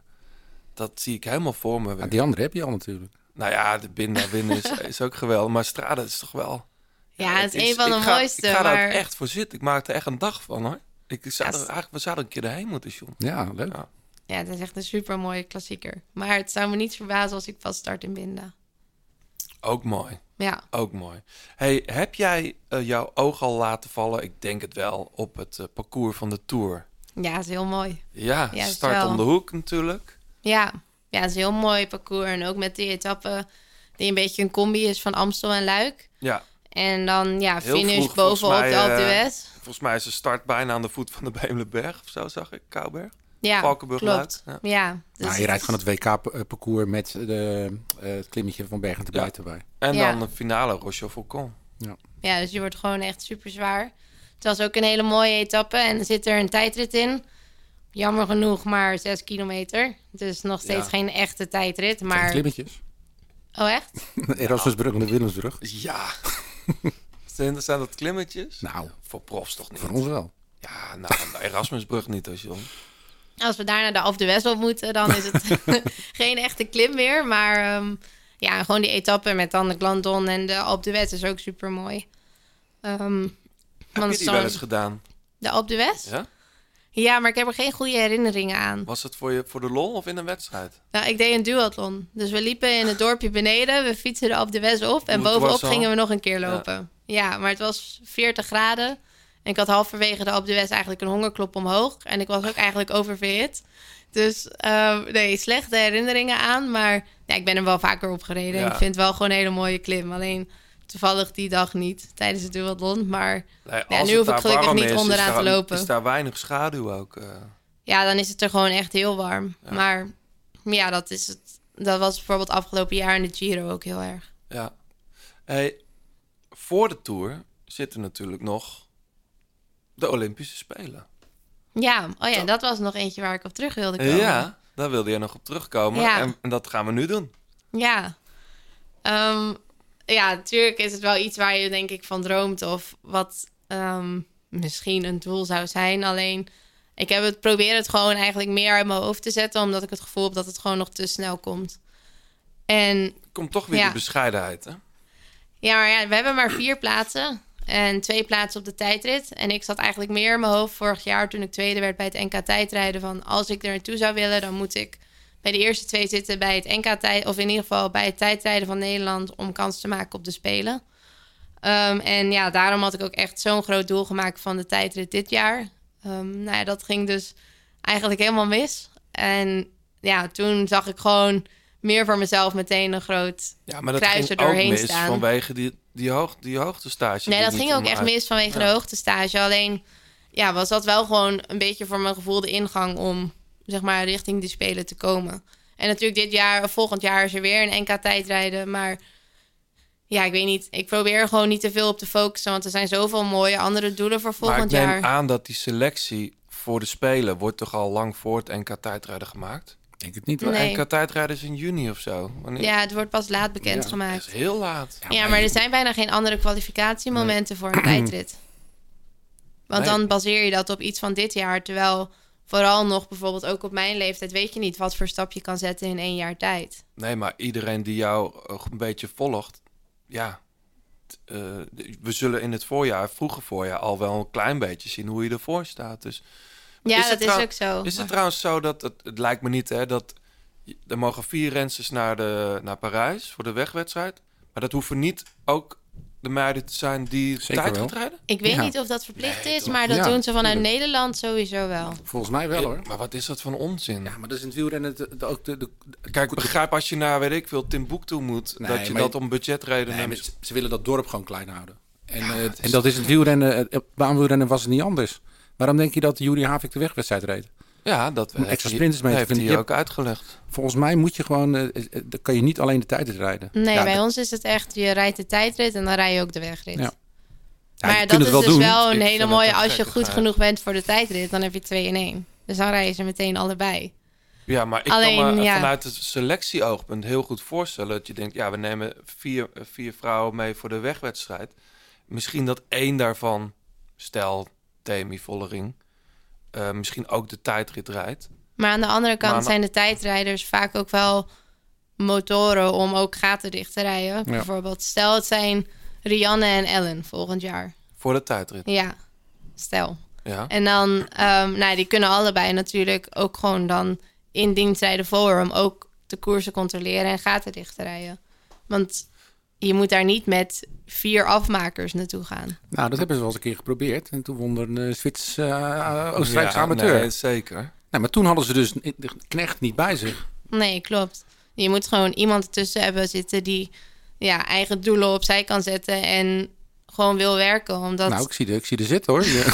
Ja. Nee, maar, ja, eigenlijk het is jezelf. Wel, maar het is wel heel belangrijk, want ja, uiteindelijk is het ook gewoon op, vaak, op veel kampioenschappen. Als je je helemaal niet zou wegcijferen, dan maak je zelf ook kans om Maar misschien voor de win- overwinning te rijden. En vraag ja, maar aan Michel Bredeveld. Zo is dat. ja, Nee, maar daar ga, Ja, wil maar- ik het nu niet helemaal over hebben. Maar die heeft natuurlijk het eh, geweldige EK. EK gewonnen. Terecht. Eh, maar goed, was, ging daar niet van start als kopvrouw. nee, Daar klopt. is een hoop, over, hoop gedoe over geweest. Ja. Ehm, ja, maar toch zou... Ik, ik vind het toch een raar ding. Want dan moet je dus in juni... Wanneer is het NK tijdrijden? Ja, meestal toch een week voor het NK. Ja, 1 juni. Altijd, rond het. eh, Ja, in Maar de dat week betekent van het NK eigenlijk op dat de je daar moet pieken. Ja, maar dat is ook altijd het probleem. Want dat had ik vorig jaar bijvoorbeeld. Als ik naar het WK wilde in Australië met de tijdrijden, dan moest ik inderdaad pieken bij het NK tijdrijden. En ik was daar dus ook echt op mijn beste niveau en ik plaatste me. Maar vervolgens heb ik dat niveau niet meer kunnen halen bij het WK, omdat ik gewoon die echte piek al had gehad. Maar, Maar- anders kom je helemaal niet bij het WK. Maar is het, is het, al, is het al besproken binnen de bond en met... eh, met eh, Maar met zo de is het bij heel veel. Want bijvoorbeeld ook bij het schaatsen, om zich te plaatsen Ja. voor de wereldbekers, moeten ze ook in topvorm zijn bij het kwalificatietoernooi, anders komen ze er niet. ja, maar daar worden wel duidelijk data gesteld van eh, dan en dan moet je te staan. Dat is bij jullie natuurlijk niet. Je Uiteindelijk, zou, je uiteindelijk zou is het gewoon ook- Gunnewijk die gewoon zegt, nou die vier die neem ik mee. Ja, dat is waar. Maar bijvoorbeeld voor het tijdrijden is het eigenlijk bijna altijd wel geweest. Nummers 1 en 2 van het NK, die gaan vervolgens ook naar kampioenschap. Misschien is dat met de Spelen anders, maar het is ook misschien meer... Ik ben nooit echt met die Spelen bezig geweest. Maar ik dacht, ja, Parijs, dat komt al zo snel. Ehm, en ja, nu is het dan toch ineens misschien wel dichtbij en misschien ook helemaal niet. Maar ja, in ieder geval het seizoen volgend jaar voor mezelf is gewoon ook heel mooi met het Spaanse blok in mei. En dan als het goed is ook de Tour. En de Tour is al heel snel na Ja. de Spelen. Dus wat dat betreft zou het ook helemaal niet heel erg verkeerd zijn... om gewoon dan een hoogtestage in te kunnen plannen richting de Tour bijvoorbeeld. Ja. Ja, precies. Dus zo, maar hoe jij het nu zegt, is de Tour dan eigenlijk het hoofddoel? Want, want ik denk dat de, dat de meiden die, die van de Spelen een hoofddoel maken... kunnen eigenlijk niet op hoogtestage voor de Tour. Nee, klopt. Want daar, of een te vroege hoogtestage, want dan heb je de hoogtestage voor de Spelen. Ja, maar dan, en dan kan moet je best wel hopen dat je zijn. het eerste, de eerste vier dagen van de Nou, Tour jongens, nog de, goed de, bent. de beste wielrensters van de wereld gaan toch gewoon de Tour rijden? Ja, en de beste wielrenners van de wereld gaan ook de Spelen. Ja. Ja, maar het gaat erom in welke, in welk, waar ligt de piek qua topvorm? Want je wil, je wil als je op Dat al zit de zo rest... kort op elkaar. Er zit een week tussen. Nou, oké. Dus als jij zegt dat het niks uitmaakt. Ik... Ja, ik, eh, ik heb, eh, dat is lang geleden, een hoog stage gedaan, dus Ja. ik weet het niet. Maar Nee. Nee, ja, ik denk die combi kan zeker met Spelen en de Tour. Maar Dus op hoogtestage voor Spelen en Tour. Dat is eigenlijk... lijkt me wel. Ja. ja, ik denk het wel. Ik, weet, ik heb daar zelf dus helemaal niet over nagedacht. Omdat er gewoon eigenlijk geen Spelen is opgenomen in het programma. Wat, ja. Maar je staat er toch wel voor open? Ja, tuurlijk, ik sta ervoor open. Als ik word opgebeld door Loes, je mag naar de Spelen, dan zeg ik helemaal geen nee. Maar ik bedoel, Ja, maar je denk was, dat- je dit was dit vijfde dit in de Brabantse Pijl, derde in de Amstel. Ehm, Ja, weet je wie dat ook was? Chantal Blaak. En die ging echt niet hoor. Maar het is gewoon Dat het jaar. lastige. Als je gewoon uit bijna ieder ander land had gekomen, dan weet je eigenlijk wel dat je waarschijnlijk naar Ja. de Spelen gaat. En gewoon in Nederland is de concurrentie gewoon ja, heel hoog. Ja. Dus ja, het is gewoon lastig om echt de Spelen te halen op de weg. Ja. Ehm, maar En dan is het een hele grote gok om je daarop te focussen. Dat je daarbij zit. Je kunt eh, geblesseerd raken ook nog. Ik bedoel, nou, aan ik- de andere kant denk ik van ja, weet je, als jij nu, eh, wat dus andere mensen om je heen ook zeggen van ja, 2024 wordt wel een jaar waarin je gaat proberen echt voor de, voor de winst te gaan. Ik bedoel, de Ja. volgende spelen zijn pas in 2028. ja, maar dan ben ik nog steeds maar 25, Dat is ook waar. 26. Maar alsnog, dan ben ik nog steeds. En dat zal ook geen vlak rondje van worden daar in eh, Los Angeles. En dat is, is. is dat meer- LA? Ja. Ja, dan is het in Los Angeles. Dus het is meer Het gewoon. is eigenlijk van... leuk om daar te winnen ook, hè? Nee, maar het is gewoon meer. Wat dat betreft, ik ben nu ook gewoon nog heel erg jong. Ehm, Ja. En ja, daarom heb ik gewoon. Ik heb nooit gedacht dat ik überhaupt dan misschien nadenk over.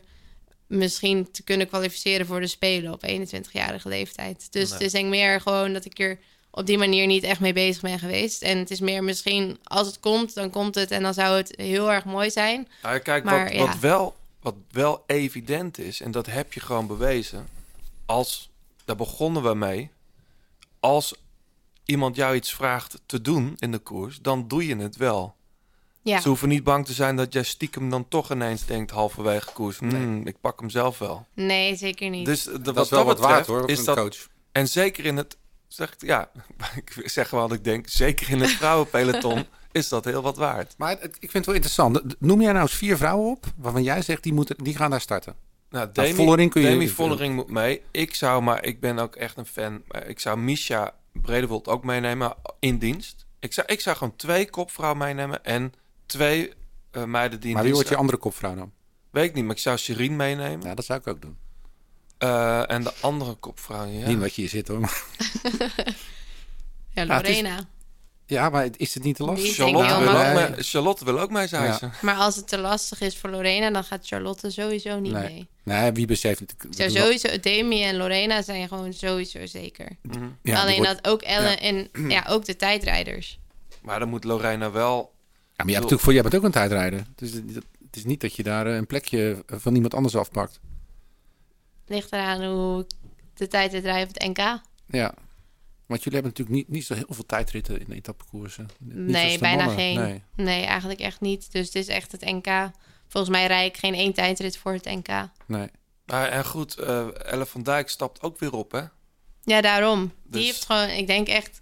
Nou, ik, we weten allemaal, iedereen bij ons heeft het erover. In de ploeg in december zitten wij weer gewoon af te zien in het wiel van Ellen. Ja, met de trainingstage. En ja, we denken gewoon dat die er gewoon echt meteen weer staat, eigenlijk. ja. En dan, dan heb je met de ervaring die Elle meebrengt, ja. Zeker. Nou, het, het is een puzzel. Ja, en die heeft echt één doel volgens mij. En dat is de tijdrit op de Spelen. Ja. Dus ja. Dus die zou om die reden al meegaan.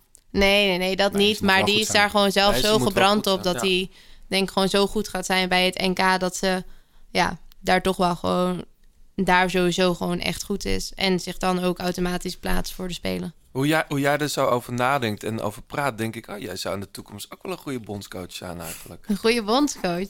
Oh nee, dat denk ik niet. Nee? Nee. Met jouw psychologische inzicht en... eh, Ja, maar het is altijd je als bondscoach, ik weet niet. Je bent, volgens mij doe je het nooit goed.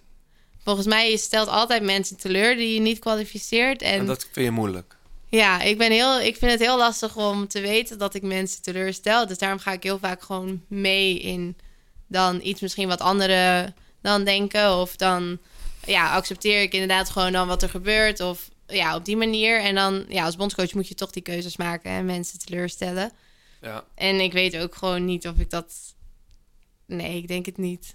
Nee hè? Nou, maar ik heb het ook nog nooit gehoord. Bondscoach is wel wat anders dan, dan ploegleider zijn hoor. Want je moet gewoon eh, de goede mensen selecteren op het goede moment. En eh, zorgen dat er een goede sfeer is en goede afspraken worden gemaakt. Klopt, maar je wordt ook heel vaak afgerekend op, net als ook bijvoorbeeld Loes, op wat dan. Tuurlijk, Loes moet ook een team sturen en die moet ook gewoon daarin beslissingen maken. Alleen vervolgens ben je ook heel erg afhankelijk van of er inderdaad niet iemand gewoon in de koers zit heeft van ja, we hebben dit plan wel gemaakt, maar laat maar zitten, ik win zelf. Ja. En daar kan je Zoals dan en daar kan je als bondscoach dan ja, niet veel aan doen eigenlijk. Was de sfeer wel leuk eigenlijk na het EK? Na het EK. Ehm, en niet meteen. Ehm, daarna was hij gelukkig wel beter. Maar eh, er was wel wat spanning. Zijn de stoelen rond, eh, rondgevlogen? Of? Nee, nee, nee, dat niet. Er zijn geen stoelen rondgevlogen. Want ja, uiteindelijk, we waren natuurlijk wel gewoon 1 en 2. Maar Ehm, voor mensen die tv zaten te kijken was het wel een gek gezicht. Dat daar eh, Lorena stond er met een... eh, Ja, na afloop. Na afloop? Ja, na afloop, ja. Ja, klopt. Maar ehm, ja, maar ja, in dat geval is bijvoorbeeld natuurlijk ook voor een als bondscoach zijnde ook lastig om ehm, dan, want ja, de bondscoach wordt toch vaak ergens op afgerekend van de prestaties van een nationaal team.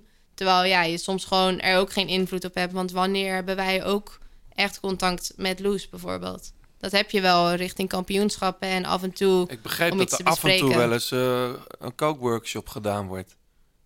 Is- ja, ben je nooit uitgenodigd daarvoor? Vorig jaar ben ik uitgenodigd. Oh, was dat, dat was toch een kookworkshop? Nou, toen gingen we niet koken. Oh. Eh, maar toen hebben we ook iets... Ik weet niet wat we allemaal hebben gedaan. Maar in ieder geval voor de, teambuilding. een soort teambuilding. En in 22 december is er weer één. Maar ja, ik vind het aan de ene kant ook wel jammer dat ik daardoor een cross mis. Ehm, dus, Het maar is ja. een investering voor de Spelen. ja. Ja, nee, maar dat is wel, het is wel eigenlijk gewoon zo van, ik ga daar ook naartoe. Ook voor die teambuilding en om gewoon met het Nederlands team te zijn van de Hoe- maar wegploeg. Hoeveel, Maar, hoeveel vrouwen worden dan uitgenodigd eigenlijk? eh, de vrouwen uit de nationale selectie. Ik denk dat het Ja. er tien zijn.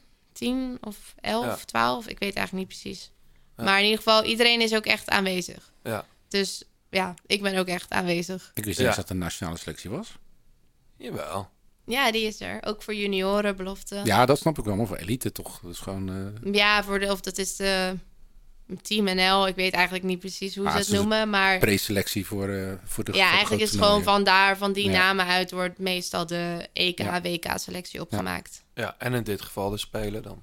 Ja. klopt. Maar er kunnen ook altijd weer andere rensters aan toegevoegd worden. Want Ja, vorig jaar zat ik er niet in, bijvoorbeeld. Nee. Hey, we willen je ontzettend bedanken voor je, voor je aanwezigheid.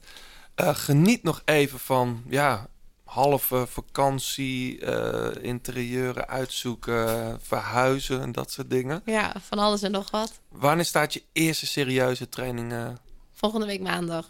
Dus echt een weekje nog zonder fiets of stap je al eventjes? eh? Nou, ik vlieg morgen al naar Spanje. Ja. En de fiets gaat dan natuurlijk al wel mee. Dus ik ga wel sowieso wat fietsen als ik daar ben. Waar zit je in Spanje? Eh, nu in Kalpen. Ja. Maar soms ga soms ook richting Girona. Eh, maar Is dat met de, door de ploeg geregeld of doe je dat zelf? nee, dat doe ik zelf. Ja. Dan gewoon een appartementje. En ja, gewoon lekker zelf daar trainen. Ik ken daar genoeg mensen om mee te trainen. En nou, het is gewoon heel erg fijn daar. Ehm, dus ja, maandag begint het weer. Heerlijk toch? Ja, ik kijk er echt naar uit. Vooral om weer gewoon... Ik weet niet, ik vind zo'n paar weken off-season ook leuk. En dan heb ik het ook wel weer gezien. En dan kan ik nu gewoon... Dat je weer gewoon echt fris kan beginnen aan... Meteen goed toewerken naar alle doelen die je stelt. Batterijen vol. Ja, precies. Heel veel succes. Eh, Ja, dankjewel. Zowel in het crossen als eh, in het voorjaar straks. Eh, wij gaan eh, alles weer volgen natuurlijk. En onze Zeker. luisteraars ook. Ehm, we hadden nog een flesje voor je meegenomen. Ja. Maar ja, je houdt helemaal niet van alcohol. Is het... ja, misschien... maar is- Ik zat altijd te twijfelen. Ja, ja dat gaan we toch gewoon geven. Ja. Ehm, wij willen nog wat mensen bedanken. Natuurlijk allereerst onze titelsponsors Garmin en Tax. Ja, en verder eh, Fleur Wallenburg voor het uitlenen van haar prachtige stem. 30 Cycling voor de fietskleding die je hier dus kunt winnen en bestellen. Eh, jullie bedankt natuurlijk voor het luisteren en laat even een reactie achter op Apple Podcasts, Insta, De Grote Praat. En wie weet hou je volgende keer bij onze podcast. Ja, en als je supporter wil worden, zelf dus, dan ben je dus, je gewoon in het rijtje van Garmin en Tax en al die andere mooie Ja. sponsors. Eh, dan ga je naar petjeaf.com slash de grote plaat. En we zijn er binnenkort weer. Ja, tot snel.